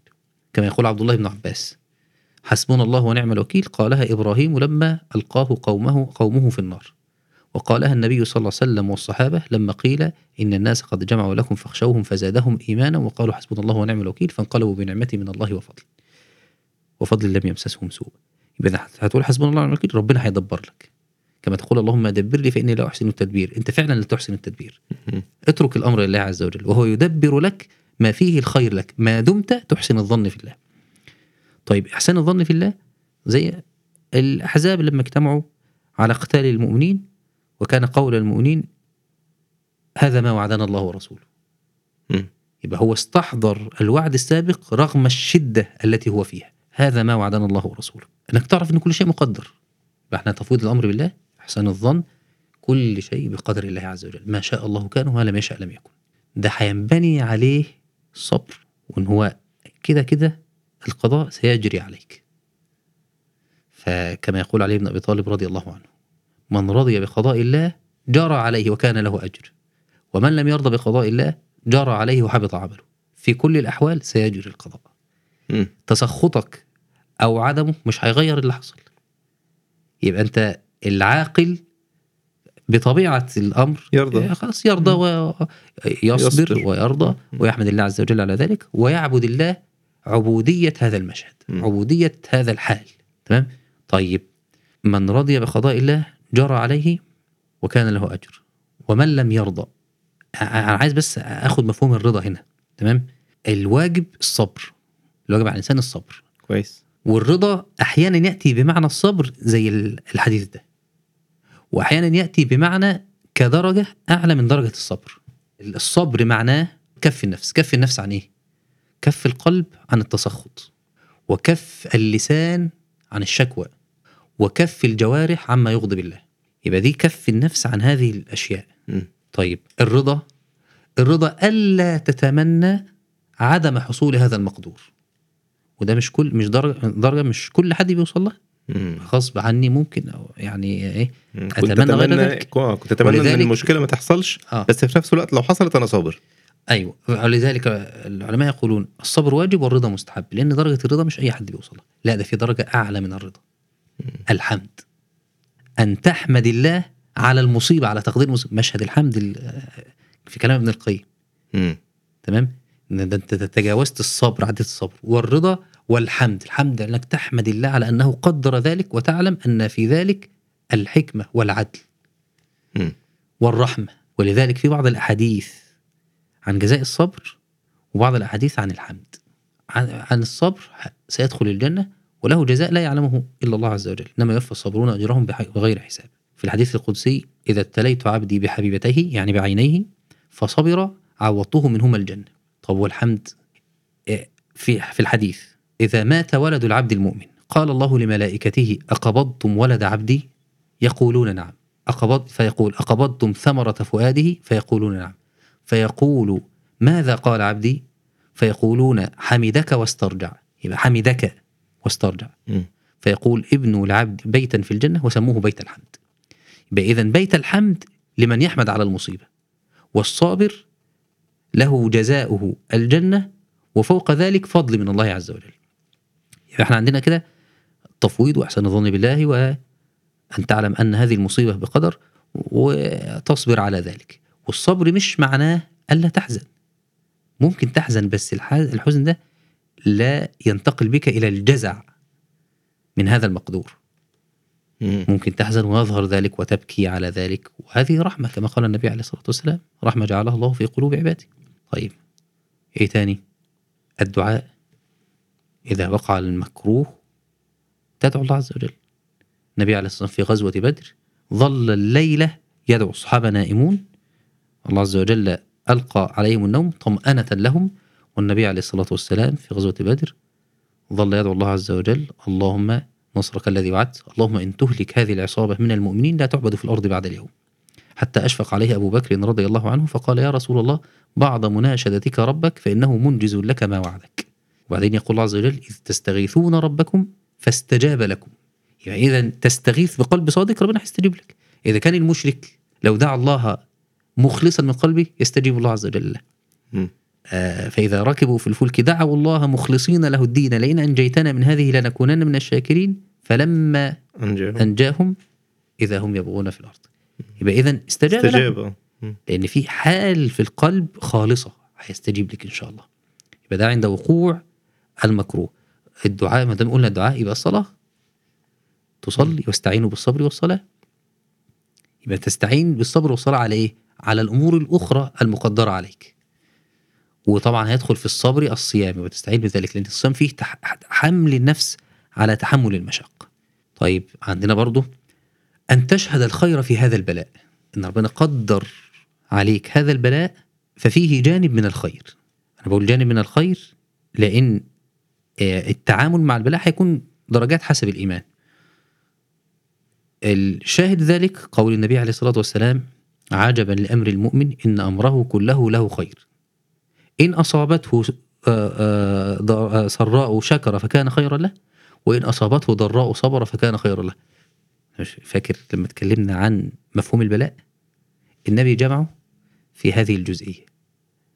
الإنسان إما تصيبه سراء يعني نعمة أو ضراء. في النعمة يشكر في الضراء يصبر. والنبي عليه الصلاة والسلام قال إن أمره كله له خير. كل أموره خير لو تعامل هذا التعامل. قال بعد ذلك وليس, وليس ذلك لأحد إلا للمؤمن. فبيبين لنا إن القضاء ده هيكون خير للمؤمن. مم. بس لما يتعامل التعامل الصح. مم. وده برضه بيبين لنا مفهوم خاطئ عند بعض الناس. إن هو أي قضاء ربنا يقضيه لأي حد خير. هي مش لأي حد. ومش بهذا الإطلاق. الحديث للمؤمن وبهذا التعامل. في الحديث الآخر لا يقضي لا يقضي الله لعبده المؤمن قضاء إلا كان خيرا له. بفهم الحديث ده. بفهم الحديث الأول. لكن لو واحد ربنا قدر عليه قضاء وتسخط في قلبه بقاش خير. مش هيبقى مش هيبقى خير مم. لو واحد ربنا قدر عليه أي شيء مكروه وترك الدعاء استعجل فترك الدعاء مش هيبقى خير ليه؟ يبقى خير مقيد بتعامل معين أن تشكر وتصبر. يبقى في الحالة دي هيكون كل ما يقضيه الله عليك خير لك. لكن مفيش كده؟ في ناس ربنا خلقهم على الكفر وماتوا على الكفر مش خير له. لو هتبص لها المصالح دنيوية في ناس لم تعطى من النعم الدنيوية لا مال ولا صحة ولا ولا أولاد ولا أي شيء ومات على ذلك. هل ده معناه إن هو بنظرة دنيوية هو الخير الدنيوي؟ هو سولي بالخير الدنيوي بس في خير من وجه آخر. فالمقصد يعني إن القضاء الذي يقضيه الله عز وجل خير للمؤمن الذي تعامل بمقتضى الإيمان اللي هي العبودية. تمام؟ برضو المسألة اللي اتكلمنا عنها في البلاء أن تشهد ابتلاء الغير. مم. وأنت في حال البلاء ما أنتش لوحدك في البلاء. ما أنتش الوحيد اللي ربنا قدر عليه المصيبة. ده في ناس ابتليت ببلاءات أشد منك. في الأحداث الحالية واحد ابنه مثلا مصاب بمرض أو واحد ابنه مات أو معتقل أو غير ذلك من أنواع البلاء. لا في واحد تاني في مكان تاني أولاده جميعا قتلوا في سبيل الله ويصبر. ويقول كلهم فداء لهذه القضية للدفاع عن أرض المسلمين. وكلهم أمر يسير لله عز وجل. فأنت تهون من مصيبتك إذا نظرت إلى المصائب الأخرى. أن تتذكر المصيبة الأعظم مصيبة فقد النبي عليه الصلاة والسلام. أي مصيبة في الدنيا بالمقارنة بموت النبي عليه الصلاة والسلام؟ هي مصيبة هينة. النبي عليه الصلاة والسلام يقول من أصيب بمصيبة فليذكر مصيبته بي فإنها أعظم المصائب. لأن مصيبة فقد النبي عليه والسلام انقطاع الوحي عن السماء انقطاع التأييد تأييد الملائكة مثلا مع النبي للنبي عليه الصلاة والسلام. أمور كثيرة من الخير كانت موجودة ببركة وجود النبي عليه الصلاة والسلام. فانقطاع هذه الأمور مصيبة عظيمة لكن ده قدر ربنا قدره بمقتضى أن النبي صلى الله عليه وسلم بشر وأنه عبد وأنه يجري عليه ما يجري على البشر من الموت وغير ذلك من هذه الأمور. لكنه أعظم الخلق وهو رسول الله صلى الله عليه وسلم. فكونه رسول الله مع كونه عبد فيه حكمة لغيره أن ينظر إلى مصيبته التي أصيب بها إلى إلى إلى إلى جانب هذه المصيبة العظيمة. برضو في مسألة القضاء إنك تعلم أن هذه المصيبة مكتوبة. وربنا قدرها بعلم. ما أصاب من مصيبة في الأرض ولا في أنفسكم إلا في كتاب من قبل أن نبرأها إن ذلك على الله يسير لكي لا تأسوا على ما فاتكم ولا تفرحوا بما آتاكم. يعني إيه؟ يعني ما تجزعش للمكروه اللي يصيبك وتفقد الأمل والرجاء في الله ولا تفرح الفرح الشديد بما معك حتى تنسى فضل الله عليك. ربنا بيصيبك بالمصيبة حتى تعلم أنك عبد وفيك شيء من النقص. فتنظر إلى ك... تنظر دائما أنك فقير إلى الله عز وجل. كذلك في التعامل مع البلاء الأخذ بالأسباب. الأخذ بالأسباب. إن هو المصيبة قدرت أعمل إيه؟ أخذ بالأسباب في دفعها. إن كانت تدفع يعني مرض مثلا أخذ بالأسباب الشفاء. فقر أخذ باسباب الغناء. لكن موت خلاص هصبر. والأخذ بالأسباب النبي عليه الصلاة والسلام ربطه بالقدر. فيقول النبي عليه الصلاة والسلام كل شيء بقدر حتى العجز والكيس. عجزك عن الأسباب بقدر والكيس أخذك بها بقدر. كذلك قال احرص على ما ينفعك واستعن بالله ولا تعجز. ولا تقل لو أني فعلت كذا كان كذا وكذا. هو لو حصل الأمر الفلاني كان هيحصل الأمر الفلاني. طبعا بعض الناس بيظن برضه إنه كل لو ما ينفعش تقال لك آه، لو أعوذ بالله من كلمة لو. لا هي لو التي فيها عدم الرضا بالقدر. هي دي اللي منهي عنها. احرص على ما ينفعك واستعن بالله. احرص على ما ينفعك الاخذ بالأسباب. واستعن بالله تفويض الأمر لله. تمام؟ واستعن بالله ولا تعجز. ولا تقل لو أني فعلت كذا كان كذا وكذا ولكن قل قدر الله وما شاء فعل. فإن لو تفتح عمل الشيطان. يبقى لو تفتح عمل الشيطان هتخليك تخوض في الأسئلة المنهي عنها بقى الخوض في أفعال الله عز وجل في ذات الله عز وجل وده مش في حدود العبودية التي أنت مأمور بها. يبقى العمل علشان ما لا أحتج بالقدر في ترك العمل. النبي عليه الصلاة والسلام لما قال ما منكم من أحد ما من نفس منفوسة يعني مخلوقة إلا وقد كتب الله مكانها من الجنة أو النار. وإلا وقد كتبت شقية أو سعيدة. كل شيء مكتوب. قالوا يا رسول الله أفلا نتكل على كتابنا وندع العمل؟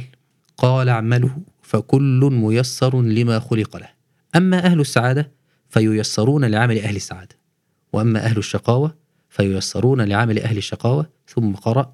فأما من أعطى واتقى وصدق بالحسنى فسنيسره لليسرى. وأما من بخل واستغنى وكذب بالحسنى فسنيسره للعسرى. مش معنى أنه هو مقدر؟ أنك تسكت وتترك الأسباب. لا أخذك بالأسباب برضو مقدر. وأخذك بالأسباب جزء من المنظومة القدرية اللي ربنا قدرها علشان أخذك بالأسباب هينبني عليه قدر آخر. كما قال عمر رضي الله عنه نفر من قدر الله إلى قدر الله. يبقى أنت كل شيء بقدر. وقع عليك قدر مش مطلوب منك إنك تعجز مطلوب منك إنك تدفع هذا القدر المقدور بما يمكنك من الأخذ بالأسباب. فاتقوا الله ما استطعتم. في قصة ذي القرنين فأعينوني بقوة. ما استسلموش لهذا الشر الموجود. لا هيأخذ بالأسباب ويبني هذا الجدار بينهم وبين هذا الشر.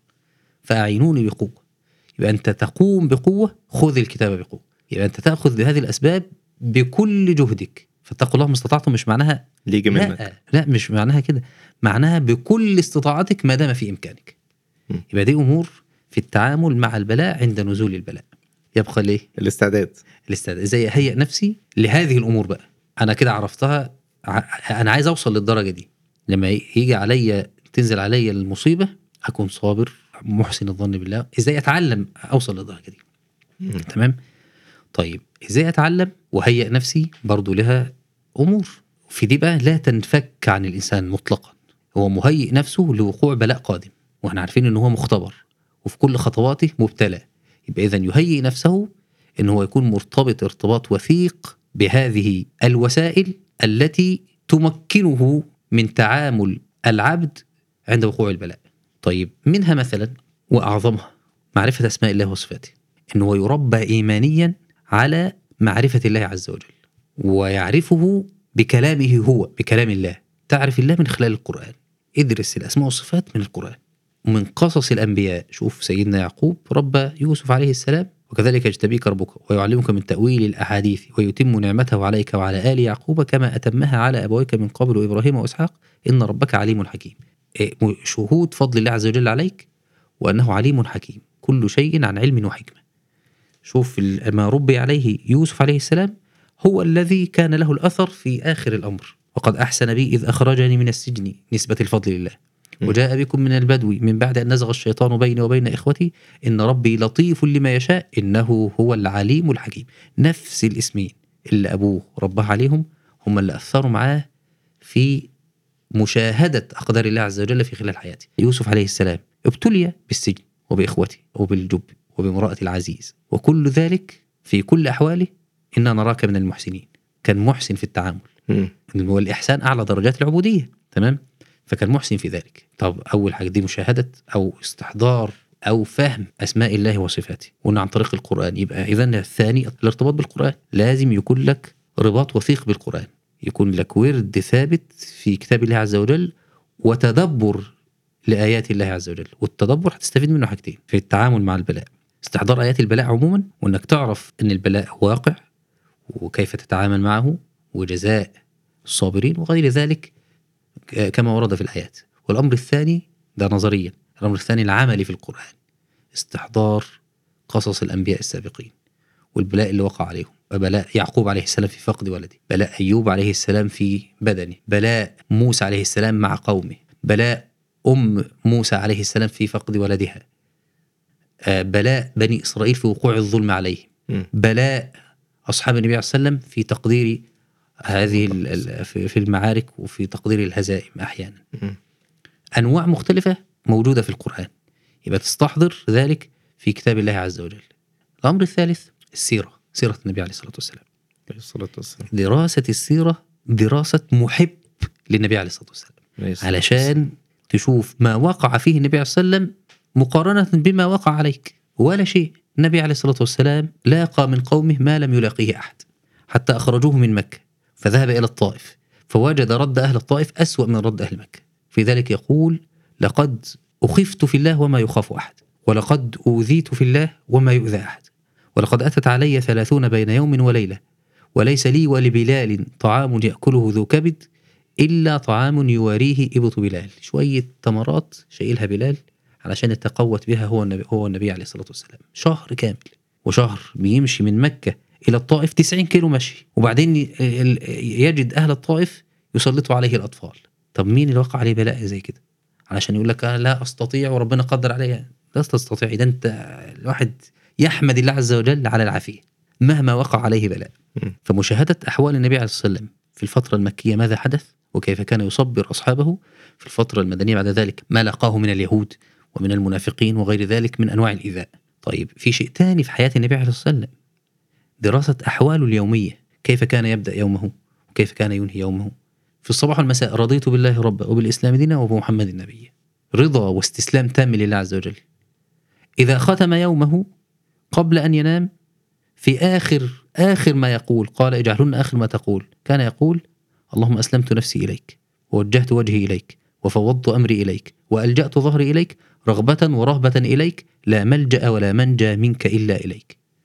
طيب الواحد اللي هو حاله كده يعني هيتصبر هيكون عنده رضا بقضاء الله عز وجل. ومن يتصبر يصبره الله. واصبر وما صبرك إلا بالله. هو أصلا يعني معود نفسه مهيئ نفسه على الرضا والاستسلام. مهيئ نفسه على تفويض الأمر لله عموما في كل شيء. فلما تقع عليه المصيبة هتكون هينة. كذلك استحضار العبودية المطلقة دائما عندما قبل وقوع البلاء. إحنا بنقول عند وقوع البلاء استحضار العبودية. لا استحضار العبودية قبل وقوع البلاء. إن الله عز وجل يقدر عليك ما يشاء. يبقى أنت مهيئ نفسك إن ممكن أي شيء يقدر عليك ما دمت عبد. وده هينبني عليه برضه تعويد النفس على الصبر والرضا وعلى التسليم التام لأوامر الله عز وجل. مم. وعلى التعامل مع كل شيء بما يناسبه كل موقف بما يناسبه مم. إن الإنسان دايما يعلم أنه غير مستحق لشيء وأن اللي ربنا بيديهوله فضل من الله عز وجل وأن هو قبل وقوع البلاء وعند وقوع البلاء مقصر. ده هي- هيهون عليه كتير. عشان بعد كده لما يقع عليه بلاء أنت أصلا مقصر. والبلاء ده قد يكون أهون من بلاء تاني. فانت تكون مستعد نفسيا قبل ذلك لأن يكون وقوع البلاء عليك بعملك. يعني يعني انظر مثلا في غزوة أحد. طبعا سورة آل عمران سورة ماتعة في استخلاص هذه الحكم. في القتال قتال المسلمين مع المشركين. ال- آه، ال- المؤمنون استحضروا تقصير النفس. وما كان قولهم إلا أن قالوا ربنا اغفر لنا ذنوبنا وإسرافنا في أمرنا وثبت أقدامنا وانصرنا على القوم الكافرين. ده هو بقاتل الكافرين بيقول اغفر لنا ذنوبنا وإسرافنا في أمرنا. قالش بقى إن أنا مسلم وكده كده ربنا هينصرني. ويكفي إن أنا موحد لله عز وجل لا ممكن ربنا يقدر عليك شيء لتنقية هذه النفس. فأنت مستعد أصلا قبل هذا التقدير لأنك تشهد تقصير النفس في حق الله عز وجل. أنت لم تؤد حق الله عز وجل كما يجب عليك. فما دمت كذلك ممكن يقع عليك بلاء. وما أصابكم من مصيبة فبما كسبت أيديكم. وإيه؟ ويعفو يعفو عن كثير. ما أصابك أقل بكثير مما لم يصبك. بل ما وهبك الله عز وجل من النعم أعظم بكثير مما أصابك من المصائب. أيضا يستحضر أن هو البلاء واقع واقع وأن هو قد يكون ذلك لمحبة الله عز وجل له. إن الله إذا أحب قوما ابتلاهم فمن رضي فله رضا ومن سخط فله السخط أو فله السخط. وبرضه بنأكد برضه على إن مش شرط إن يكون بلاء خير لإنسان معين أو كرامة لإنسان معين. لا هو هيكون خير لما تتعامل معاه التعامل معين تعامل العبودية. طب هتتعامل إزاي بهذه الأشياء وإنك تعرف جزاء أهل البلاء؟ فيكون أنت مستحضر أصلا لهذا الجزاء فتتعامل بهذا بهذا التعامل. هو أنا يعني لو حابب أطلع بحاجة من الحلقة دي آه، لازم أطلع بفكرة إن آه، أنا عبد الله سبحانه وتعالى. أنا عبد مأمور وان كان المفهوم ده اتكرر معانا بتاع أربع خمس مرات لأن هو فعلا أنا كل كل ما أسأل سؤال ألاقي الإجابة بتاعته بتتلخص ترجع في الآخر لفكرة العبودية فلو الإنسان حقق مفهوم العبودية بجد فده هيساعده حتى إن هو يتجاوز. يعني هيساعده إن هو يستقبل في مسألة استعداده هو الإيماني. هيستقبل ال- الابتلاء ده بشكل ألطف أو بشكل على الأقل يبقى فاهم اللي بيحصل عنده وعي بيه فالوعي ده يخليه بالنسبة له الموضوع آه الحمد لله ولعل اللي شفناه الفترة اللي فاتت في, في أحداث غزة آه، أبهر العالم. مم. يعني شفنا غير المسلمين إزاي حصل لهم حالة من الصدمة. هو إيه الناس دي؟ الناس دي الناس دي بتتعامل كده إزاي؟ يعني إيه واحد بيته وقع ومحله تهدم وشايل عياله كده أشلاء وفي وسط الدمار وأهله كله ماتوا؟ وحكم كثيرة برضه في هذا الأمر إن هو في تقدير الأمر ده الأحداث الأخيرة دي. زيادة وعي بعض الكفار وزوال الحاجز بيننا وبينهم بيننا وبينهم في الدعوة. أيوه. إنه ممكن تصل يصل صوتك بسهولة ليهم ما عادش يثق في الإعلام بتاعه الإعلام الغربي. آه. ما دي من يعني دي من فوائد آه، الأحداث والحمد آه. لله و... والفترة الأخيرة فعلا كان في ترند ظاهر آه، ولسه لحد دلوقتي يعني آه، كان في واحدة من بتسأل الأسئلة دي ومستغربة جدا إزاي الناس دي إزاي الناس دي ثابتة بالشكل ده؟ أي ففي التعليقات يعني بيردوا عليها بيقولوا لها انت يعني انت ما قريتيش القرآن يعني انت دول مسلمين فقران آه طب ما أشوف إيه القرآن ده فواضح يعني الفترة اللي فاتت كان في فعلا.